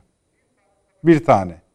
Onu da işte bir işe yaramayacağı için satmışlar yani hani ekonomiye katkı olsun diye. Artı tabii bizim için önemi var. Orada Türkler var. Gagavuz Türkleri Gagavuz var. Türkleri var. Ayrı konu kapattık. Şimdi bu generalin Rusya'yı bu ülkelerle veya da bu ülkeler üzerinden rahatsız etmeliyiz, zorlamayız ifadesini İtalya'nın İtalya'nın yeni başbakanının, Biden'cı başbakanının Türkiye Cumhuriyeti Cumhurbaşkanı'na yaptığı terbiyesizliğin siyasi formatını okumaya çalışıyoruz. Nereye oturtursunuz? Buyurun. Valla Nedret Bey yani Siz e, oturttunuz çok zaten. Güzel soru sağ olun. E, yok valla şöyle hani şey vardır ya nedir onun adı aslında e, zihinde yoktur da soruyu soran oluşturur o cevabı.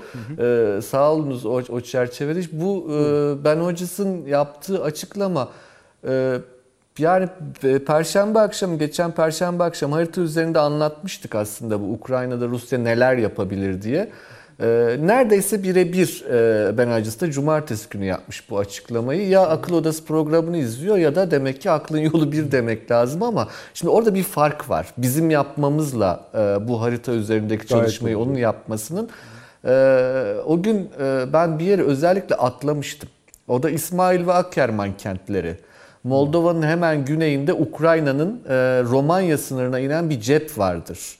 Şimdi e, ben söylediğimde kimsenin aklına şey gelmez. Yani ben Romanya'ya gitti o iki kenti al demiş olmam ama NATO Müttefik Kuvvetler Komutanı bunu söylediği zaman e, Romanya'ya o iki kenti e, sana veririz gibi bir şey çıkar o işten. Yani o, o, o Ukrayna'nın batısındaki o kuyruk aşağı inen kuyruk e, karışır orası. Yani Romanya'nın en büyük hay- hayali o zaten biliyorsunuz Moldova Moldova ile bütünleşikliği sağlamak. E, orada e, tabii İtalya'nın e, bu açıklamasını bu çerçevede nereye bağlarız dediğimizde e, şimdi Kırım Savaşı diyeceğim insanlar diyecek ki ya kardeşim her şeyi niye tarihle açıklamak zorundasınız? Hani güncel politika o kadar mı bağlıdır? O kadar mı patika bağımlıdır hayatlar? Tarih o kadar mı tekerrür eder? E valla o kadar tekerrür ediyor bugünlerde. İlginç bir şey. Çok sevdiğim söz Mark Twain'in kafiyeleniyor tarih gerçekten. Kırım Savaşı'nda da biliyorsunuz İtalya'da vardı bizim yanımızda. Yani e, biz e, İngilizler, Fransızlar, İtalyanlar, Al- Almanlar da kısmen katılmışlardı bizim tarafımızda.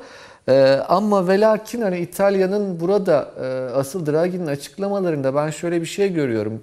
Birazcık Biden'a şunu söylüyor. Ya senin söyleyemediğin şeyler var ya diyor. Bak ben senin yerine onları söylüyorum. Şu Akdeniz'de Fransa ile anlaşma yolundasın. Ee, Ben de katılayım o işe biraz. Birincisi o.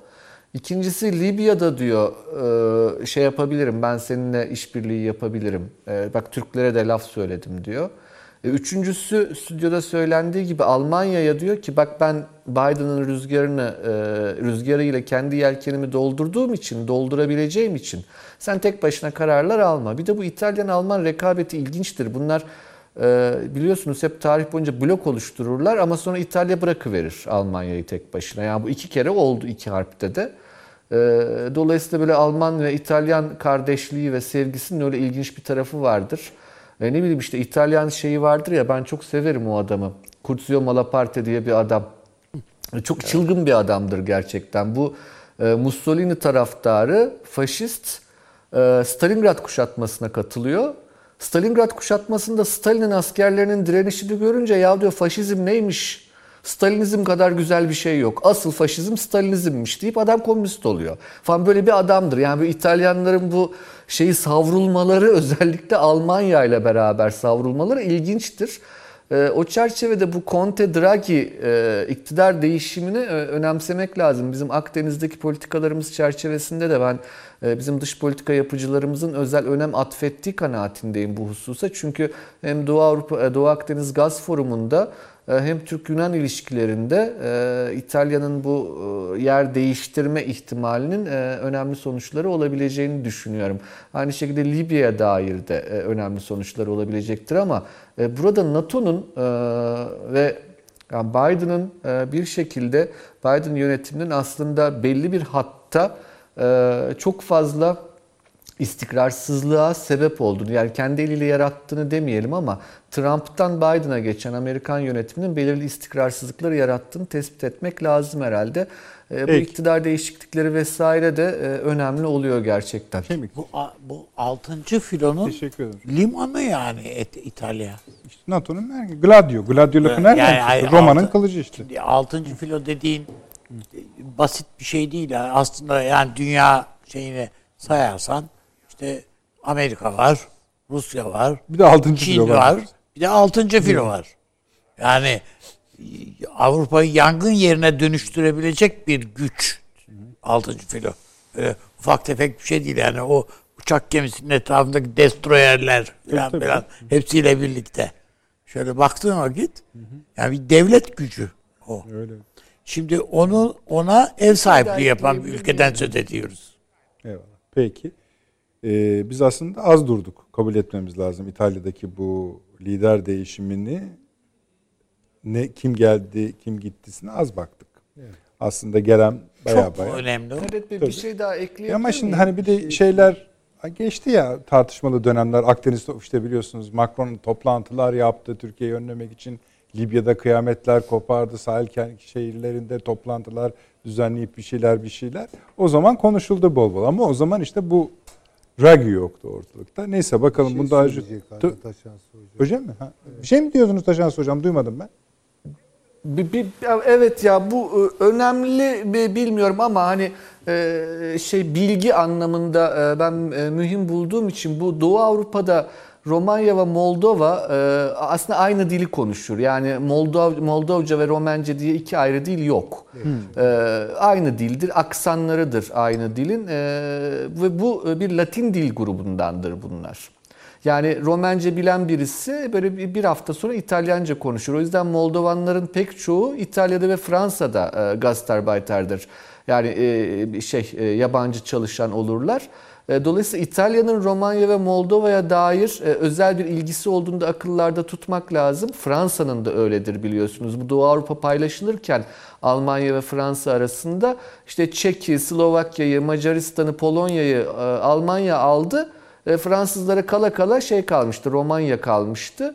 E, Moldova'da e, Rusya tarafından, Batı tarafından paylaşılacak mı belli olmamıştı. Dolayısıyla o bütün bir Doğu Avrupa'da Latin dili konuşan tek yerdir. Hani bizim tarihimizde biliyorsunuz Eflak ve Boğdan deriz. Eflak bugünkü Doğu Romanya'dır. Boğdan bugünkü şeydir, Moldova'dır. Ee, bir de biliyorsunuz Erdel var. Bugünkü e, Batı Romanya aslında eski Macar toprağıdır oralarda. Hani biz de öyle görürdük. E, O yüzden Erdel demiştik. Eflak'ta biliyorsunuz işte Vlah'tır ya oranın halkının adı.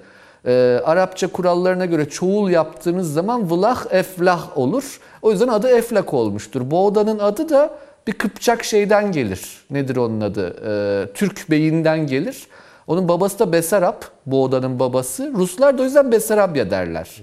Aynı yer Moldova. E, ama hani e, o Latin dil grubuyla alakalı olduğu için İtalya, Romanya, Moldova ilişkisi e, önemsiz değildir kesinlikle. Peki hocam. Ama çok e, güçlü bir bağ olduğunu ben düşünmüyorum. Yani e, doğrudur kültürel olarak e, hakikaten Romenlerin dili aynı grupta. Zaten Romalı diyorlar yani kendilerine. Roma'nın ahvadı. Ama Ee, şimdi siz konuşma hakkınızı Taşans Hoca bir şey söyleyecek diye oraya verdiğiniz zaman ne oluyor? Ne oluyor? Reklam geliyor. Ha, reklam geliyor. Peki. Özür diliyorum. Devam edeceğiz efendim. Bu Türkiye İsrail'e de bakacağız. Ee, yeni bir yani gündemimizde yoktu Avni Bey eksik olmasın. Ama onu bir konuşmakta fayda var. Diğerlerine devam edeceğiz. Hemen geliyoruz.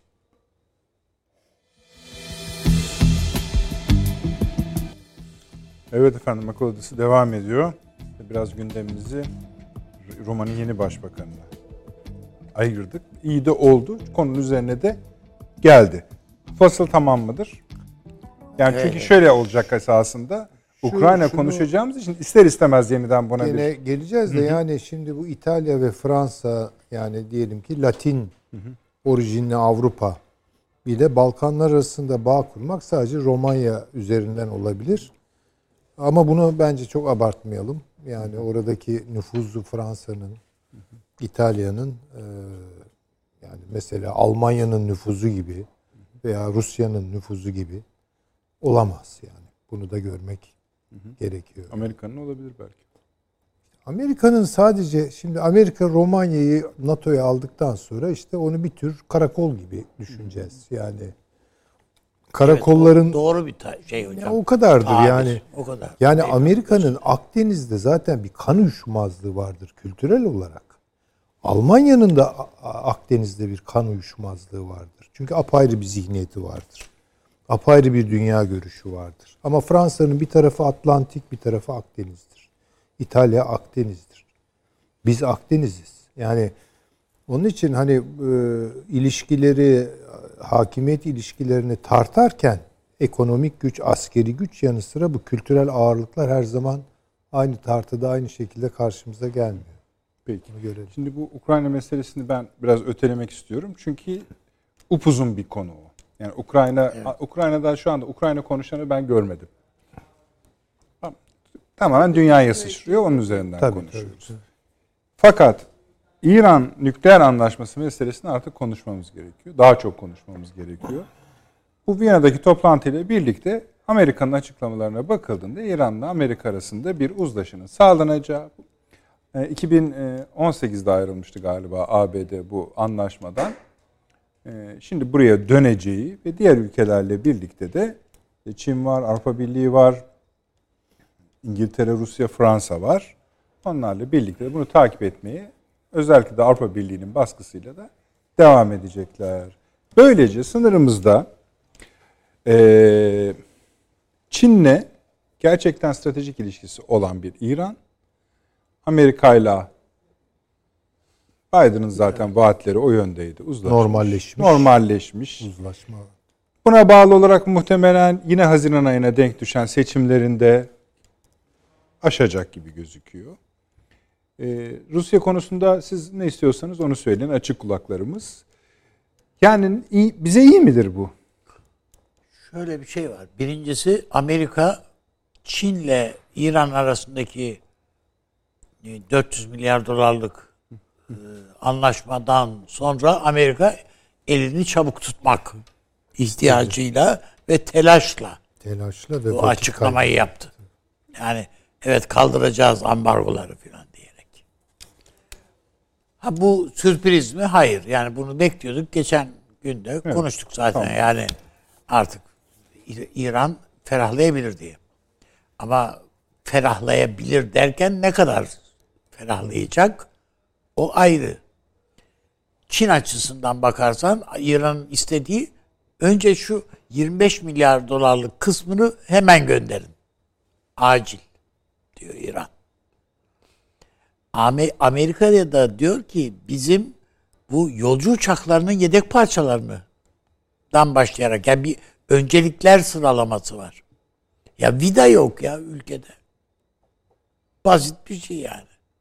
Yani vida derken tabii inşaat Anladım. vidası değil de yani bu tür alet edevatlar bu, bunlar bu şey bunlar yok.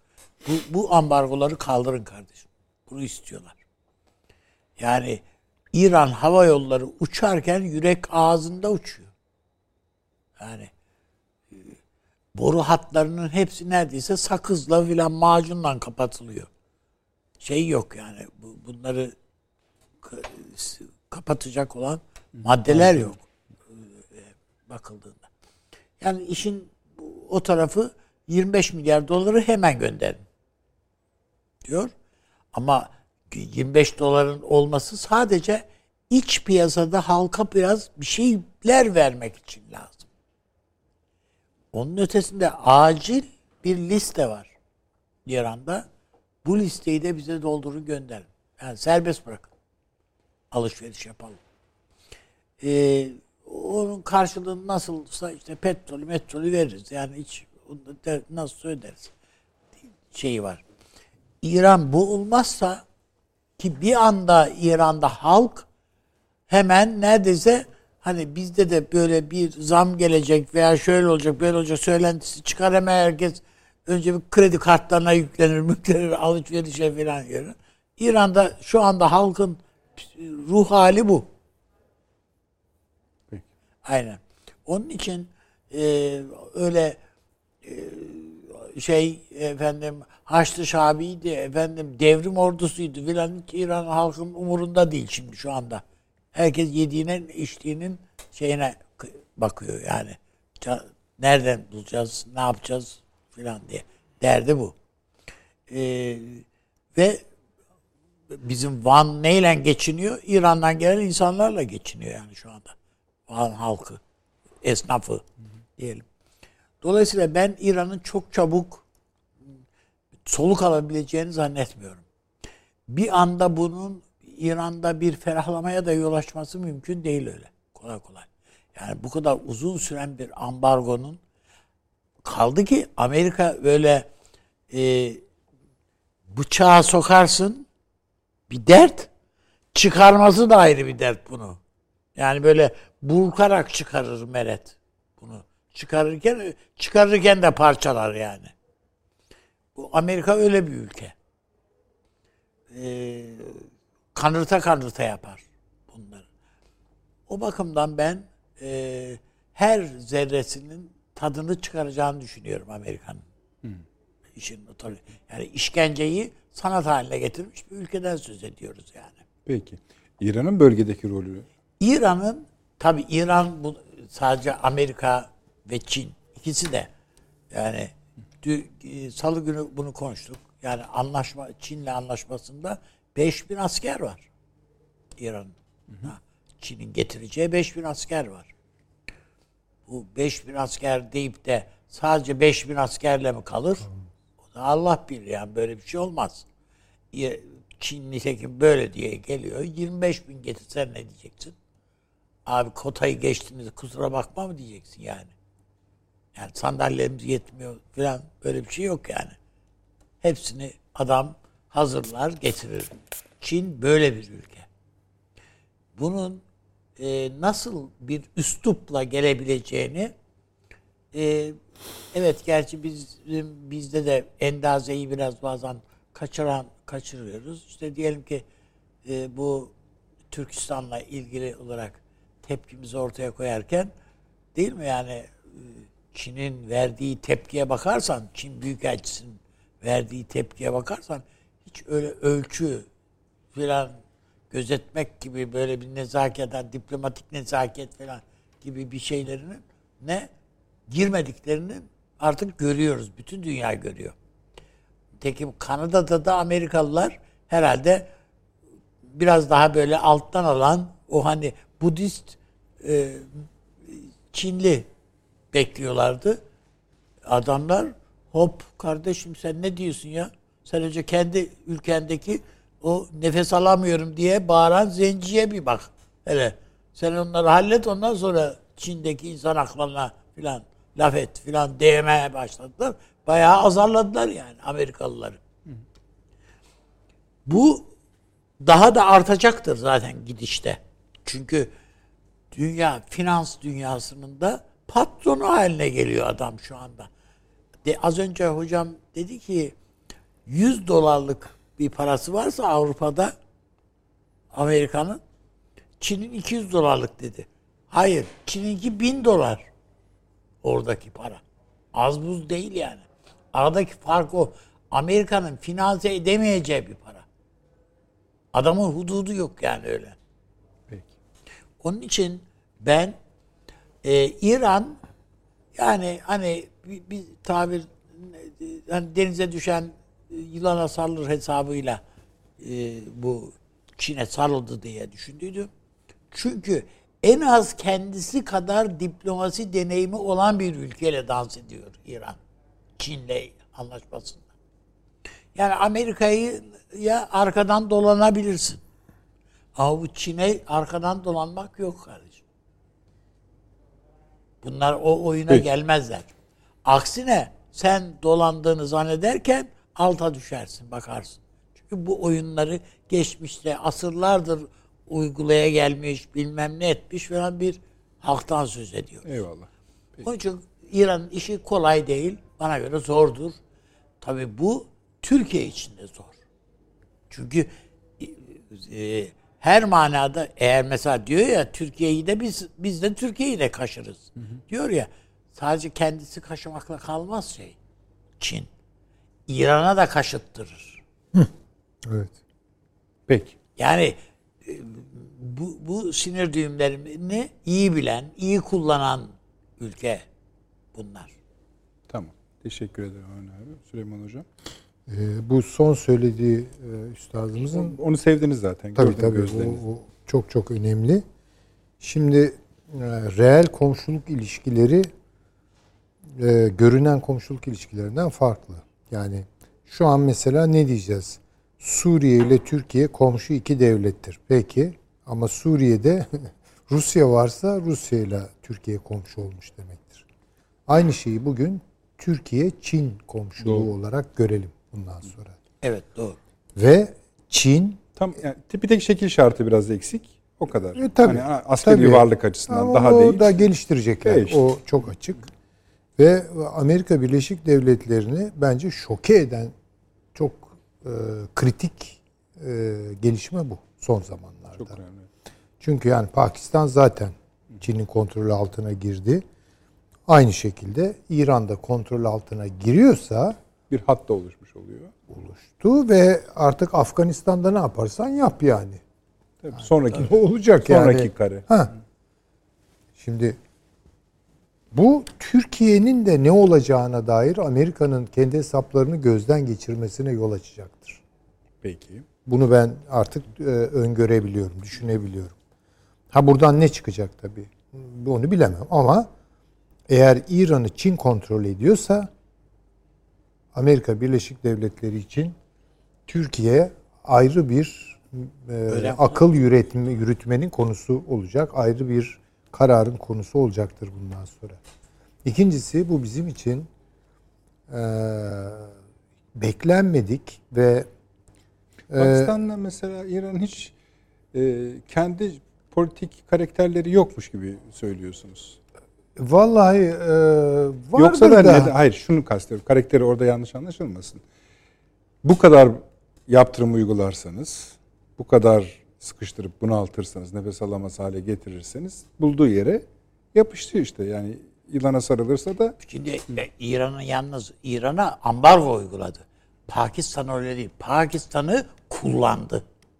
ama işte onun da sıkışmışlıkları vardı. Yani Pakistan'ın da. Pa-. Pakistan topraklarından yola çıkarak operasyon yaptı Amerika. Evet. Ve Pakistan ordusunun şeylerini kullanarak, kodlarını zaten kullanarak. yani şöyle- ettiğini buluyor şu an. Ha tabii. Ha, Tam tabii, ettiğini o- onu buluyor yani tabii ki. Yani Ama onu- şimdi şöyle düşünelim. Yani Pakistan'ın Türkiye ile kuracağı ilişkilerin tabii özel bir kalem olacağını öngörebiliriz. Orada bir ne diyelim bir boşluk vardır. Çin'in onu tamamen kontrol etmesi belki de mümkün değildir. Ama şunu öngörebiliyor muyuz? Pakistan tamam bizim canımız, ciğerimiz, cive Pakistan. Tamam güzel de Çin'in hilafına Gayet Pakistan'ın Onu söylüyorum işte. Pakistan'ın özerk Yani oturacaksın İran için söylüyorum 25 yıllık anlaşma yapacaksın 600 milyar dolar para alacaksın asker kabul edeceksin ve bütün şeyleri açacaksın enerji yollarını şunusunu busunu. dükkanı Ve teslim daha etmişler anlaşmanın yani. koşulları belli değil yani. Tabii Para- nihai para tarafı kapa verilecek? doğru söylüyorsun. Dükkanı dükkanı anahtar teslim yapmışlar yani. Bu anlaşılıyor. Ha bu tabii sonuçta ne olacak? İran Türkiye gerilimi ki bakın ben bunu hep önemsiyorum. Çok çok önemsiyorum. Her zaman bir risktir.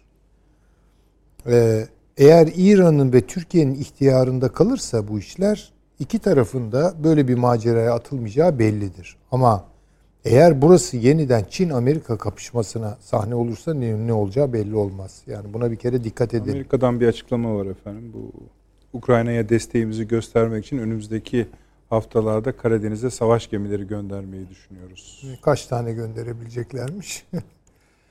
İşte 300 falan lazım. Yani Lazım diyorum. 72 saatliğine. 72 Evet. saatliğine. ya. Yani bu İşte boş boş kızışıyor. laflar bunlar. Hiç bence kızışmıyor. E, bence müsteri olunuz. Ee, Bu bunlar da- yalancı bu da alevler. Kiev yerse eğer ha, en Eh, pes. kötü olanı bu. Pes yani. İşte Onu da cumartesi günü anlayacağız biliyorsunuz. Cumartesi günü buradaki toplantının ardından yap- yapılacak açıklama ya da basın toplantısı ilginç olacak diye düşünüyorum E, ben. göreceğiz onu da. Yani Yani, Ukrayna o devlet- tabii çok ikili bir şey ve bence Ruslar da bu işe hiç basın ses toplantısı yapılırsa sorulur burada. Ne diyecekler yani? Ne düşünüyorsunuz? İki tarafa da itidal tavsiye ben söyleyeyim. Hayır şey mesela Zelenski bir şey söylemiyor. Zelenski'ye bakarsanız bugün daha yumuşak konuştu. Cepheye gitmiş ama daha yumuşaktı konuşmaları. Tabii ki yani ayağı suya eriyor Bu savaş demek tabii yani. canım savaşı NATO'ya girmemiz durdurur dedi. Tabloyu gördü. Gördü. Şimdi tabii hidayete ermiş konuşmalar tabii. Tabii. Tabii, tabii. ya- Buyurun Süleyman Hocam kestik siz.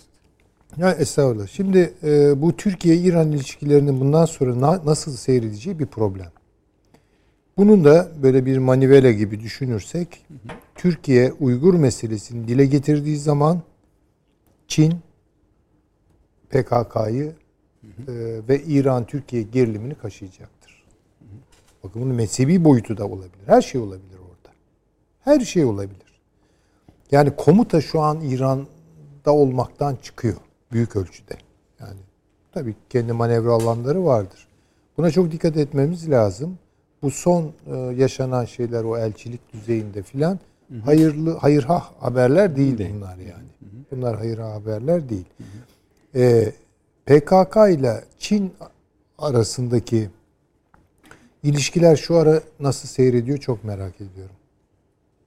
Çok merak ediyorum. Yani PKK'nın da bu fırsatı değerlendirmek isteyeceğini aşağı yukarı öngörebiliyorum. Yani sadece Amerika değil, Çin. Yani. Ve Çin-İran birlikte. Bu bakın düşünmemiz gereken bir meseledir bence. Buna biraz dikkat etmemiz gerekiyor bundan sonrası itibariyle. Ee, onun dışında bu Çin üzerine hakikaten çalışan insanlar, Çince bilen insanlar, e, Çin tarihini, kültürünü bilen insanların söyleyeceklerine muhtacız şu an. Çin aklı nasıl bir akıldır inanın bilmiyoruz. Bir takım masallar var elimizde yani eskiden kalma. Çin e, diyelim ki komploları, Çinli tipi nedir yani Türk'ün zihninde? Arkadan iş çeviren bir takım adamlardır değil mi? Sinsi bir takım adamlar. Öyle midirler gerçekten? Bilmiyorum. Ama bizde hoş bir tecrübe bırakmamışlar. E Onlar buraya geliyor. Yani bazen şimdi mesela bu son e, elçiliğin yaptığı biraz da diplomasinin standartlarını zorlayan bu davranışı e, yani adeta tehdit yani biraz mafyoz bir şey yani değil mi? Ekleyip ona göndererek falan. E, Mansur Yavaş'a ve e, Meral Hanım'a falan. Ya diyorum ki kendi kendime yani tarih bir açıdan tekerrür de olur mu? Yani e, Moğolların kılıç artıkları mı geliyor yeniden? Yani ne oluyor falan diye düşündürtüyor gerçekten. Yani bu bu bu meseleyi Türkiye bilmiyor bakın. Şimdi eğri oturalım doğru kalın. Çin meselesini. Çin meselesini bilmiyoruz. Herkesin kafasında Dediğinize şöyle katılıyorum hocam. Çin tarihini bilmiyoruz. onu da bilmiyoruz. Yani Çinli ne, öyle, ne menendir, nasıl düşünür Yani falan Türk değil mi? Tarih Yani, Kurumunun çok güzel bastığı Çin tarihi ama kitapları işte var. var var ama yani Bunları şimdi okumaz- onu okumak lazım. Evet. biraz bu işi içeriden anlatabilecek sıcak Ha tabii. o- malumatlarla ve bilgilerle aktarabilecek e, çevrelere ihtiyacımız var. Türkiye'nin yetişmiş insanları da vardır herhalde. Gerçekten bilmiyoruz. Hep düşündüğümüz bir ticaret olacak, buralarda işler dönecek falan. Böyle bir şey yok yani. Bu bir hegemonya savaşı ve yeni bir hegemonik güç olma iddiasında bir Çin var ve kapalı bir kutu. Duyduğumuz haberler hiç hayır ha haberler değil. Yani bu adamlar orada işte herkesi takip ediyorlar, herkesi fişliyorlar, kimseye nefes aldırmıyorlar ve böyle bir Çin önümüzdeki sene yüzde sekiz büyüme gösteriyor. Gayet çok Korkunç bir şey. Şimdi Bu Amerika için ne diyeceğiz %8 yani? büyümemizle Çin'in yüzde sekiz büyümesi aynı şey o, değil o tabii. devin 8 ile çarp yani acayip Aslında bir şey. şöyle bir ek yapabilirim. Hani muhakkak bu konudaki uzmanların aktüel yorumlarına beni ilgilendiren kısmı biraz orası. Ancak Çin günlük dış politikası açısından daha açık bir ülke.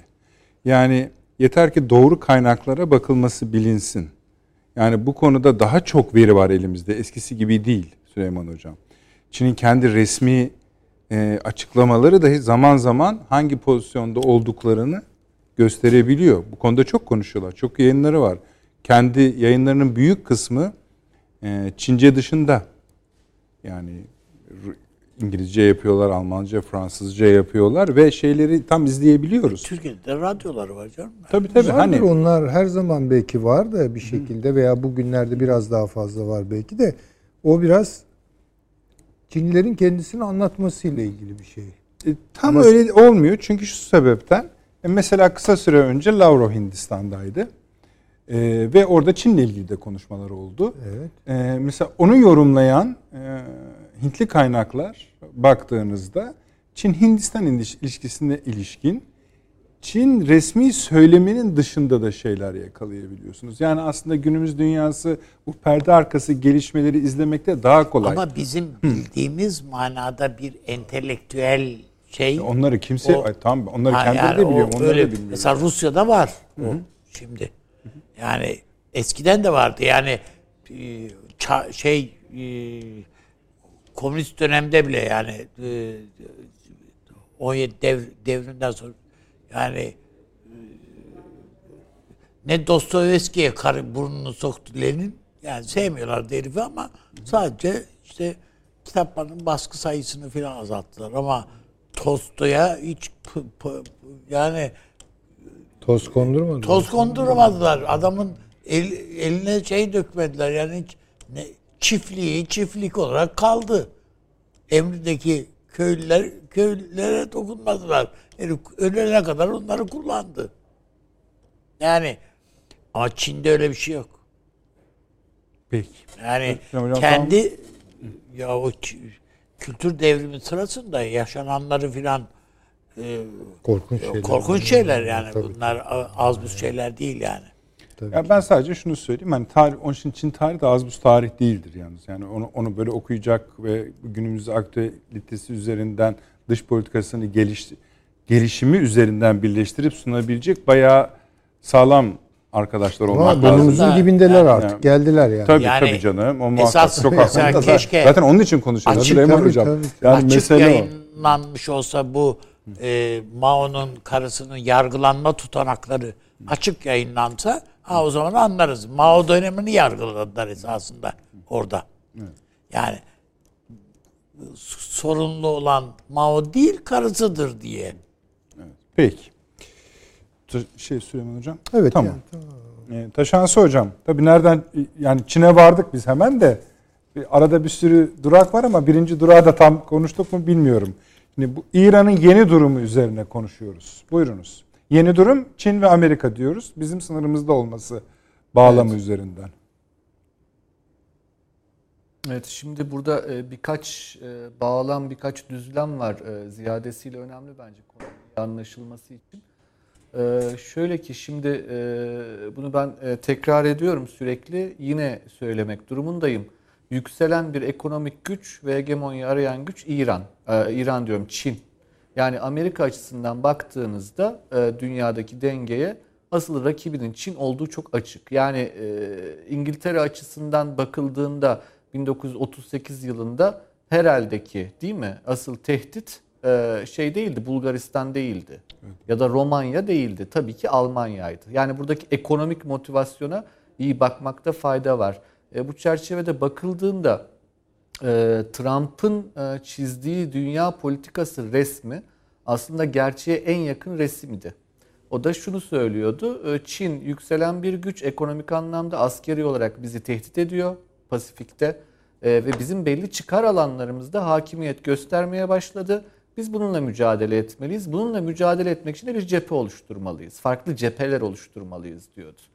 E, şimdi burada asıl bakılması gereken husus şudur. 1938 yılında İngiltere'deki sermaye grupları, Alman sermaye gruplarıyla rekabet içinde olmasaydı da ancak Alman ve İngiliz sermaye grupları beraber hareket ederek varlıklarını sürdürebilecek durumda olsaydı acaba 2. Dünya Harbi'nde İngiltere ve Almanya karşı karşıya olur muydu? Şimdi öyle olsaydı böyle olurdu gibi bir metodoloji yoktur tarihte. E, dolayısıyla bunu ben bir spekülasyon olarak söylüyorum. Bugün Amerika'nın içinde bulunduğu, Amerika'yı yöneten sermaye gruplarının Çin'i algılamaları ve dünya ekonomisinin yeni yapısı içerisinde yani bu küreselleşme denilen ekonomide sermayenin hareketi ve e, bu bütünleşik üretim sistemi içerisinde Amerikan sermayesinin Çin'i nasıl algıladığı, hangi grupların Çin'e nasıl baktığı önemlidir. Biden ve Trump'ın karşıtlığını da sayın seyircilerimiz hatırlayacaktır. Biz e, aylarca bu minval üzerine, bu çerçeve üzerinden değerlendirmeye çalışmıştık. Yani Amerika'da yükselen yeni sermaye gruplarının Çin'e bağımlı yapılarının Amerikan devletinin e, uzun Amerikan sermayesinin de uzun vadeli çıkarlarını korumak için alacağı tedbirlere karşı çıkması olarak yorumlamıştık. E, şimdi bu e, bu çerçeve bence önemli bir çerçeve. Ancak eninde sonunda e, Amerika'nın sermaye gruplarının da e, bu noktaya geleceği kanaatindeyim. Yani bu e, Trump bugün diyordu, e, Biden yönetimi belki iki sene sonra diyecek, belki dört sene sonra diyecek ama gelinecek yer burasıdır. E, bu kaçınılmaz. Aksi takdirde zaten Amerika kalmaz. Yani bir devlet yapısı olarak ve hegemonik bir güç olarak Amerika kalmaz. Hatta e, Süleyman Hoca o daha önce seçimlerden önce Amerikan seçimlerinden önce çok güzel bir cümle kullanmıştı. Biden yönetimi Amerika'ya karşı iktidara gelir demişti. Çok önemsemiştim ben o cümleyi hatırlatmak isterim sayın seyircilere de. Şimdi çerçeve bu. Bu çerçevenin içerisinde Çin'in yayılmasını e, Orta Doğu'ya kadar ilerlettiğini görüyoruz. Bakın Afrika'da Çin var. Ama Orta Doğu Amerika açısından hani kendi kalesi olarak gördüğü bir yerdi. Hep kontrol altında tuttuğu bir yerdi. Şimdi İran'la beraber Çin Orta Doğu'ya dayandı. Ama bakın sadece İran'la beraber değil, Türkiye'ye Çin Dışişleri Bakanı'nın yaptığı ziyaret sırasında Körfez ülkelerini ziyaret ettiğini de e, akıllardan çıkarmayalım. O buradayken, Körfez'deyken ve Orta Doğu'dayken Savunma Bakanı ise Doğu Avrupa'daydı. Bakın sadece Orta Doğu değil Doğu Avrupa'ya kadar girmiş bir Çin'den bahsediyoruz. Do bir yol, yolu gösteriyorlar Çin, bize evet. Avrupa Birliği'ni tabi Avrupa Birliği'ni titreten bir etki haline aldı Sırbistan'daki Çin etkisi. Ve bakın oraya Rusya kanalıyla girdi. Rusya kanalıyla bazı yerlere giriyor. Rusya da bazı yerlerde izin veriyor. Çin'in önünü açıyor. Batıya karşı bir koz olarak kullanıyor. Bazı yerlerde önünü kesiyor. Yani e, bir e, filtreleme mekanizması var Rusya'nın Çin etkisinin yayılması konusunda. Şimdi efendim İran'a geliş konusunda yani bundan bir, bir buçuk yıl kadar evvel uzun uzun anlattık biz sizin programınızda bunu. Elinde sonunda cepheleşme Türkiye'nin doğu sınırlarında oluşacak bir cepheleşmedir diye. Yani İran Çin'in uzantısı olarak Orta Doğu'ya gelecektir diye bir, yani bir buçuk yıl olmadıysa bir yıl olmuştur. Bu, bu, bu, bu çerçeve devam ediyor. Burada yani çok hızlı akmaz bu tarz olaylar çünkü güncel değildir. Belli dönemler içerisinde gelişiyor. İran açısından konuya bakacak olursak ise çok hoş bir kavramsallaştırma gördüm. Birileri yazmış adını hatırlayamıyorum şu an ama İran tarihinde biliyorsunuz ciddi bir travmadır Türkmen Çay Anlaşması. Yani Kuzey Azerbaycan'ı e, Rusya'ya kaybettiği anlaşmadır. Türkmençay Anlaşması 1828'de. E, bu Çin'le yapılan anlaşma için birileri demiş ki bunun adı da Türkmen-Çin Anlaşması. Yani biz İran'ın belli bir bölümünü e, belki tamamını Çin'e kaybediyoruz. Yani İran'da da bu işten herkesin çok mutlu olduğunu düşünmek hatalı olacaktır. Yani İran'ın da köklü bir geçmişi olduğunu, ciddi milli refleksleri olduğunu e, hep söylüyoruz. Fars milliyetçiliği üzerine inşa edilmiş bir akıl yapısı olduğunu hatırlamamız gerekir. Yani Çin evet köklü bir uygarlıktır e, ve fakat e, Modi'nin anlattığı gibi Hindistan da köklü bir uygarlıktır. Ya da hemen burnumuzun dibinde İran da köklü bir uygarlıktır. Şimdi dolayısıyla bu Çin-İran ilişkilerinin sorunsuz olacağı kanaatinde değilim ben. Evet çok e, geniş çaplı anlaşmalar yapıldı. Evet çok büyük çerçevesi gerçekten. Dolayısıyla herkesi kaygılandırması gerekir. Çünkü bütün stratejik dengeyi değiştirecektir. E, fakat e, kırılgan olmak durumundadır. Amerika'nın da bu nükleer anlaşmaya alelacele geri dönüyor olması e, işte buradaki bu kırılganlıkları kullanma umuduyla alakalıdır. Ama şunu tespit etmemiz gerekir. E, bizim müttefiklerimiz NATO'da e, Amerikalılar. E, bu kadar sakarlık e, gerçekten kendilerine zarar. Kendilerine zarar olduğu gibi dünyayı tehlikeye atan belli vakumlar yaratıyor. Ve e, onların yaptığı sakarlıkların sonucunda Çin genişliyor. Yani Çin akıllı bir politika izliyor. Bunu tespit etmek lazım. Akıllı, keskin, yayılmacı ve sert. Yani öyle zannedildiği gibi Budist falan değil. Yani gayet sert, gayet kavgacı. Ee, daha önce söylemiştik. Wolf diplomat diyorlar. Kurt diplomatlar yetiştirdiler artık. Yani diplomatik teamüllere de uymayan bir agresyon içerisinde son dönemde Çin. Ee, ve ama e, buna rağmen açıktır ki Amerika'nın hataları bu boşlukları yarattığı için Çin buralara girebiliyor. Şimdi Orta Doğu'ya da baktığımızda Amerika'nın planı İsrail ile Arap ülkelerini barıştırarak bir şekilde e, orada bir Semitik blok kurmaktı. Yani e, Çin'in İran'a yayılmasını hesapladığı için. Şimdi o Semitik blok kurulurken de acaba bu Türkiye'ye karşı mı diye konuşmuştuk. Ben de o zaman yine söylemiştim. Bu bizi ilgilendirir ama bize karşı değil. Bu İran'a karşı. Ama İran'a değil Çin'e karşı diye konuşmuştuk. E, aynı çerçeveyi e, ben zihnimde tutuyorum. Bunu belki şu anın konusu değil, belki programın ilerleyen saatlerinde konuşacağız. Siz başta açılışta söylediniz. Mutlaka Ürdün'deki darbe girişimiyle de ilişkilendirmek gerek diye düşünürüm. Çin-İran anlaşmasının sonuçlarından bir tanesidir bu. E, çünkü orada da Mısır'ın Ürdün, Suriye ve Irak'la beraber eski Bağız ve Arap milliyetçisi topraklarda Körfez'e e, rağmen demeyeyim ama Körfez'in dışında bir çizgi oluşturmaya çalıştığını, Körfez'in bundan hoşnut olmadığını tespit etmek mümkün. İsrail'in de orada Körfez'le beraber hareket ettiğini söylemek mümkündür. Ürdün olayına da böyle bakmak lazım da bunun olmasının sebebi tam da bu İran-Çin yakınlaşmasının bu kadar keskinleştiği bir noktadır. E, orada belli ki e, Mısır çerçevesinde, Mısır aklıyla da İran'a karşı bir hat oluşturulmaya çalışılıyor. Yani bizim hemen güney hocam. Şimdi Mısır, Türkiye ee, çok ben çok genişlettim farkındayım ama yo, yo, ben çok de tam şu soruyu soracaktım ama. Nedret Bey affınıza sığınarak. Estağfurullah rica ederim. Ee, peki Türkiye İsrail'i bu e, nasıl söyleyeyim motive ediyor mu?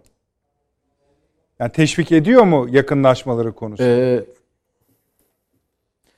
Avni Bey bahsetti şöyle, ya. Şöyle, orası şu an çok kar, çok karmaşık bir durumda orası. Ee, orası çok karmaşık bir durumda ama birinci olarak Mısır'ın e, ben çok motive olduğu kanaatindeyim. Bunu çok gösterme niyetinde değil Mısır. Yavaş yavaş adım adım geliyor Türkiye'ye doğru ama e, oradan başlayacak gibi görünüyor. Bu Türkiye için de hayırlıdır.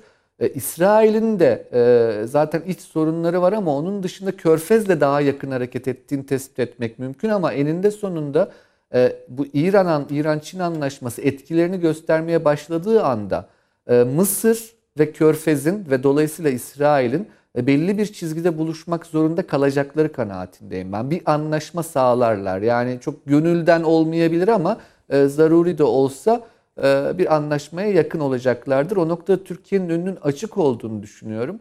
E, burada tabii ki hassas olan nokta şudur.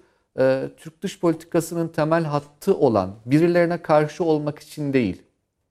Ama barış yaratmak için ortaklıkların altı çizilerek özellikle Orta Doğu'da Körfez'le, Mısır'la ve İsrail'le oluşacak olan yakınlaşmanın son derece e, muhtemel olduğunu düşünüyorum ben yakın dönemde. E, bunun da e, faydalı olacağını zaten herkes e, söylüyor Türkiye'de. E, dolayısıyla bu yakın dönemde bu oluşacaktır diye düşünüyorum. İsrail'de tabii ki bir onu sadece şunu ekleyeyim hani Lapid mi kuracak, Netanyahu mu kuracak hükümeti önemlidir.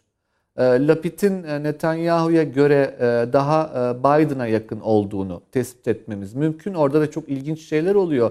Bu Birleşik Liste vardır Arap Partisi. Ondan biliyorsunuz daha İslami tandanslı Ra'an Partisi ayrıldı ve 5 vekille girdi onlarda. Altı- e, altı- İsrail'de beş mi? Knesset'e, meclise. Ee, Onlar 5 diğeri 6 yanılmıyorsam e, tam aklımda değil 6 5 bir şeyler yani. E, Ama Birleşik Listenin vekilleri mecliste yemin ederken biliyorsunuz yemini e, bozarak ettiler. Yani öyle bir tartışma da var şu an orada ama İslami olan Arap Partisi'nin hükümete girmesi söz konusu Netanyahu ya da Lapid tarafında. Orası da ilginç ama hani 10 gün o yüzden olur mu bilmiyorum ama önümüzdeki bir ay içerisinde zannediyorum oradaki e, durumda e, belli olacaktır diye düşünüyorum. Ama belki firavunlardan da bu çerçevede bahsetmek lazımdı. Fakat çok uzattım. E, bir kere daha kusuruma bakmayın diyorum. Firavunlar biliyorsunuz uzun ya uzun, binlerce yıllık konu yine konuşuruz. Süleyman Hocam belki siz Firavunlar hakkında bir şey söylemek Yani bu Bir e, şey mi Yo, yo, ekleyecektiniz? hayır. Hani güldünüz Ya onlar bir- o ne debdebeydi ya. Ama niye işte yani? Onu biraz konu, bilim, merak ettim ben yani. Buyurun Süleyman Adam Hocam. kendisi bugünüyle övünecek bir şey olmayınca 4000 sene ötesine, 5000 sene ötesine gideceksin Mezardan yani. çıkarırlar diyor. Mezardan Buyurun çıkaracaksın. Süleyman Hocam. Estağfurullah. Şimdi ben hep şunu kuvvetli bir ihtimal olarak vurguluyorum ama bu son gelişmelerle birlikte bu ihtimali e, dile getirmeyi e, sona erdireceğim. İsrail'in İran'ı vurma meselesi. Ben bunu çok kuvvetli bir ihtimal olarak görüyordum. Ya, Az daha unutuluyordu hocam. Niye hayır, ben söylerim. Tabii. Teşekkür Yani ederim. Sağ olun. Elbette Tabii yani biz burada- e, yani Size mutlak öyle doğrular üzerinden Gayet giden değil, tahminlerde, öngörülerde bulunmaya çalışıyoruz. Tahlil yapıyoruz. Ee, bunun bundan sonra artık geçerli olmayacağını rahatlıkla söyleyebilirim. Bu, bu imkansız. Bu İsrail'in elini düşürüyor bir kere. Yani siyaseten e, söyleyelim. Bu Körfez'deki zaten artık ne tarafından çatladı onu bile e, takip ediyoruz. O kadar çok yerden çatladı ki bu küre koalisyonunun da işlevini sona erdiriyor. Şimdi bundan sonra Çin ne yapacak? Bu bence çok daha önemli. Bir, Irak'a girecek. Hala da zaten daha doğrusu halen de e, bu konuda aldığımız haberler var. Yani Var, evet. varlık gösteriyorlar, yatırımları var, kadro kurmaya çalışıyorlar vesaire. Bu çok önemli. İki körfezi bağlayacak. Evet, o da daha Bu- hızlı hareket ediyorlar. O. Tabii. Şimdi İsrail mesela şimdi nereye koyacak bu konumda kendisini? Bu bir soru.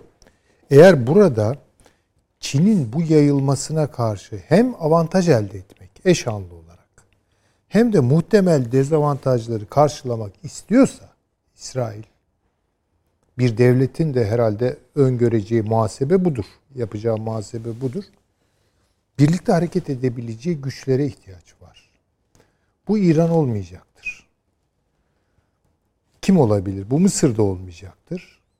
Ama bu büyük ölçüde Türkiye olacaktır.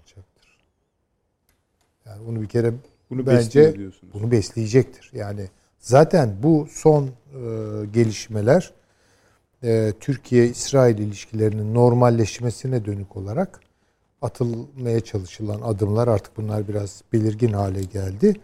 Bunu hazırlıyor bence. Yani Türkiye ile İsrail'in bir de kendi aralarında problemlerini büyütmeleri, gerilim alanlarını şiddetlendirmeleri, yüklenmeleri bu alana bu İsrail'in de işine yaramayacaktır. Bu Türkiye'nin işine yaramayacaktır. Bakın bu anlaşma değil. Dilimiz oraya kayıyor ama bunlar normalleşmeler. Çünkü normalleşme olduğu zaman dönemsel olarak veya aktüel olarak, günlük olarak e, birlikte inisiyatif alma kapısı açık tutulmuş oluyor. Hepsi bu. Yoksa İsrail ile Türkiye arasında zaten ticarete bir şey olmadı ki bunlar zaten dönüyor. Belki buna biraz işte kısmen turizm eklenebilir. e, yani bir normalleşme olursa İsrailli turistler seviyor çünkü Türkiye'yi biz eskiden beri biliyoruz. Bugün bir haber vardı. Ee, çok bu kadar. Başka hiçbir gazetede yok. Tersinden verilmiş gerçi. Cumhuriyet olduğu için öyle veriliyor ama şu. Bir bizim şirketimiz İsrail'deki yeni bir limanın yapımı sürecine ihaleye katılmış. Bizim ilgili bakanımız da bir mektup yazıyor kendi muhatabına. Diyor ki e, zaten siz davet ettiniz firmamızı. Lütfen diyor bu ihalede hani şeye uğramazsa seviniriz diyor. Haksızlığa uğramaz. Bu ayrımcılığa uğramazsa seviniriz diyor. Şimdi ilişki bu. Bu, bu seviyede var, tabii, var. e, şey boyutu, ekonomik ticari boyutu. Tabii ki. Yani e, işte biraz siyasi manada da bir normalleşme olursa biraz daha da bu ticaret hacminde filan iyileşmeler, daha iyiye gidişler görülebilir. Ama esas olarak yani artık İsrail'in hesaplarını, Türkiye'nin hesaplarını, Mısır'ın hesaplarını, Körfez'in hesaplarını bambaşka kurmak durumundayız. Bu gelişmeden İsrail sonra. konusunda Amerika'nın ikinci bir tutumunu da hatırlatalım. Bu Filistin konusunda da yardımcı olmuyor İsrail'e şu andaki Washington. Evet tabii ki onu Orada da diyorum öyle yani. bir şey var. Tabii. Bir de Çünkü tabii Amerika'nın kurgusuyla İsrail'in kurgusu aynı değil yani. Değil, değil. ama bu Irak konusunda e, daha zorlu bir gündem olacağı benziyor. Bakın Bu yani NATO onun için söylüyorum ya hani PKK ile Çin Evet. istihbaratının arasındaki trafiği eminim bizim e, milli emniyet, milli istihbarat takip ediyordur. Ama belki bundan sonra daha dikkatli bir şekilde takip edilmesi gerekir. Yani Amerika'nın elinden kartlar yavaş yavaş çıkıyor. Bunu görmek durumundayız. Bakın Avrupa Asya'ya kayıyor. Fransa'nın telaşı biraz Afrika'ya kayma. Üç kıta yani Asya, Afrika ve Avrupa arasında Çin'in başlattığı bu devinim, hareketlilik neyse bambaşka ilişkilere döküyor.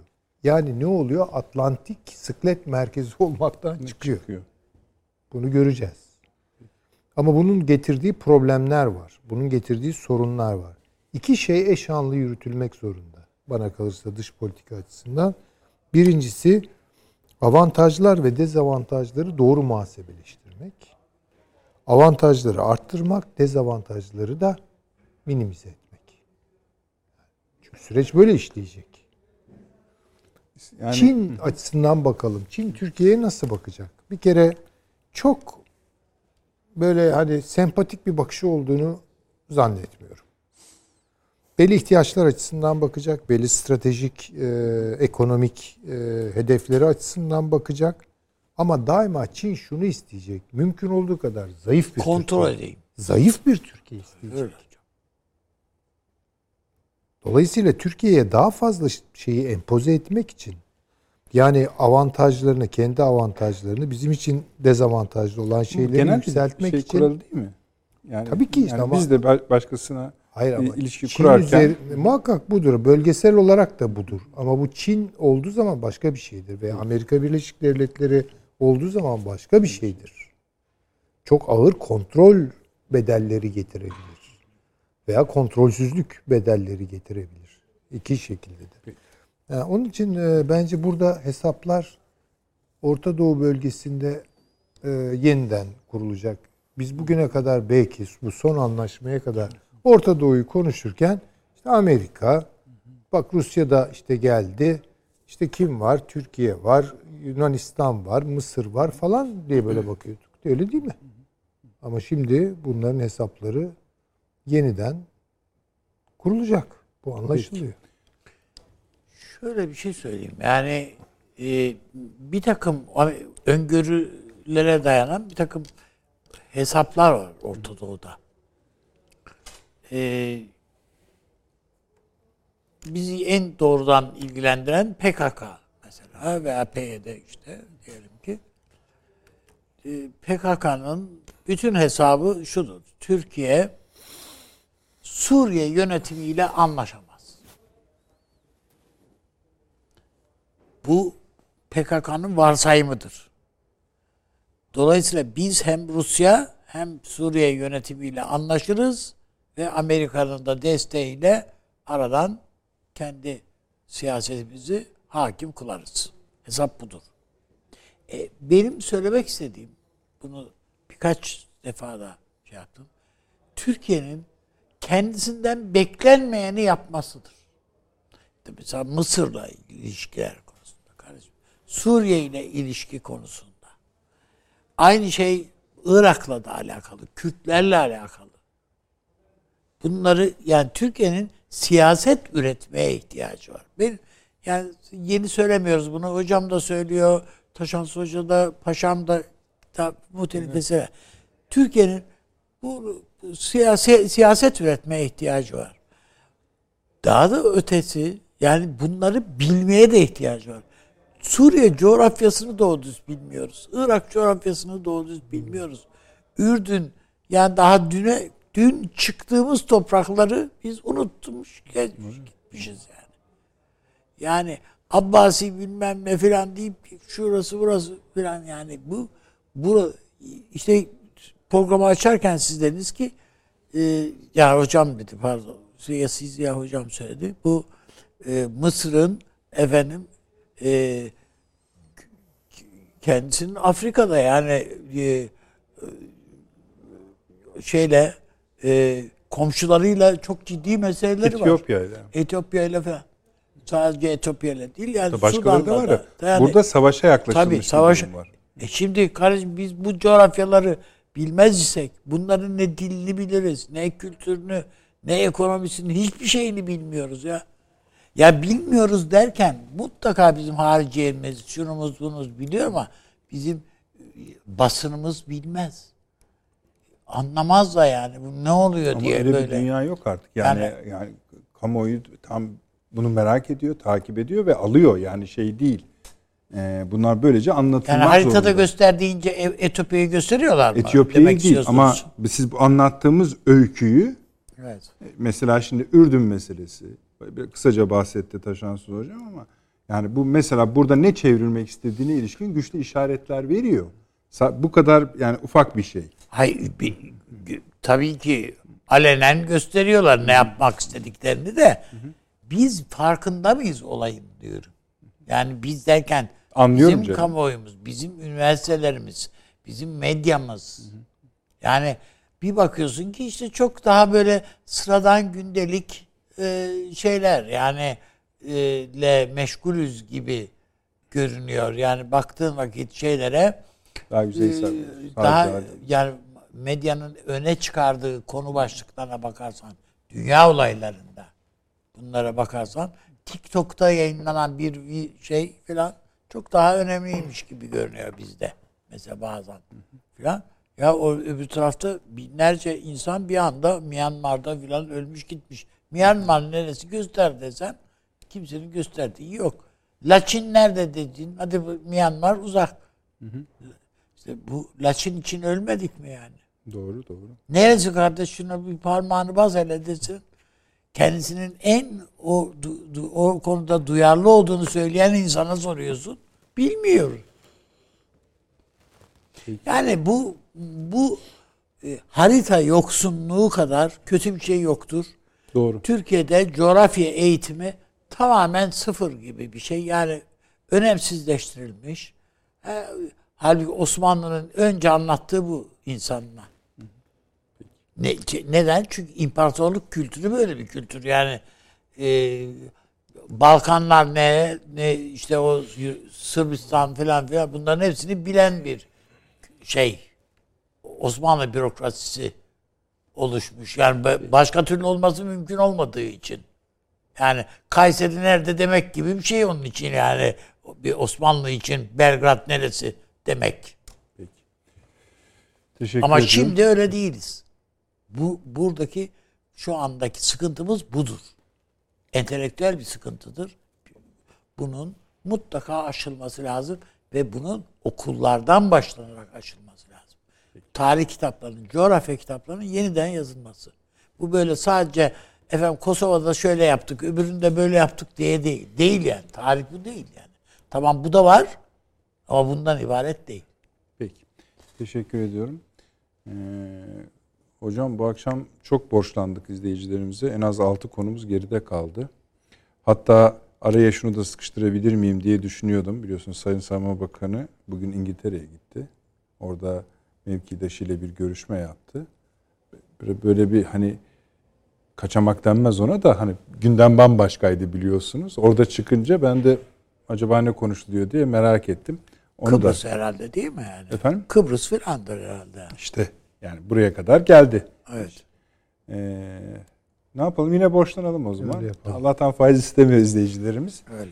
Taşansı Hocam da biraz önce kendisi konuşurken önümüzdeki saatler demiş. Saatlerde değineceğimiz hususlar var demişti ama süremiz bitti. Keşke öyle saatlerimiz olsa. Ee, Taşansı Hocam çok teşekkür ediyorum. Ankara'ya selam yine sizin üzerinizden. Ağzınıza sağlık. Çok sağ olun. Avni abi çok teşekkür ediyorum. Sağ Sağ, olun, Süleyman. Hocam. Var olunuz, eksik olmayınız.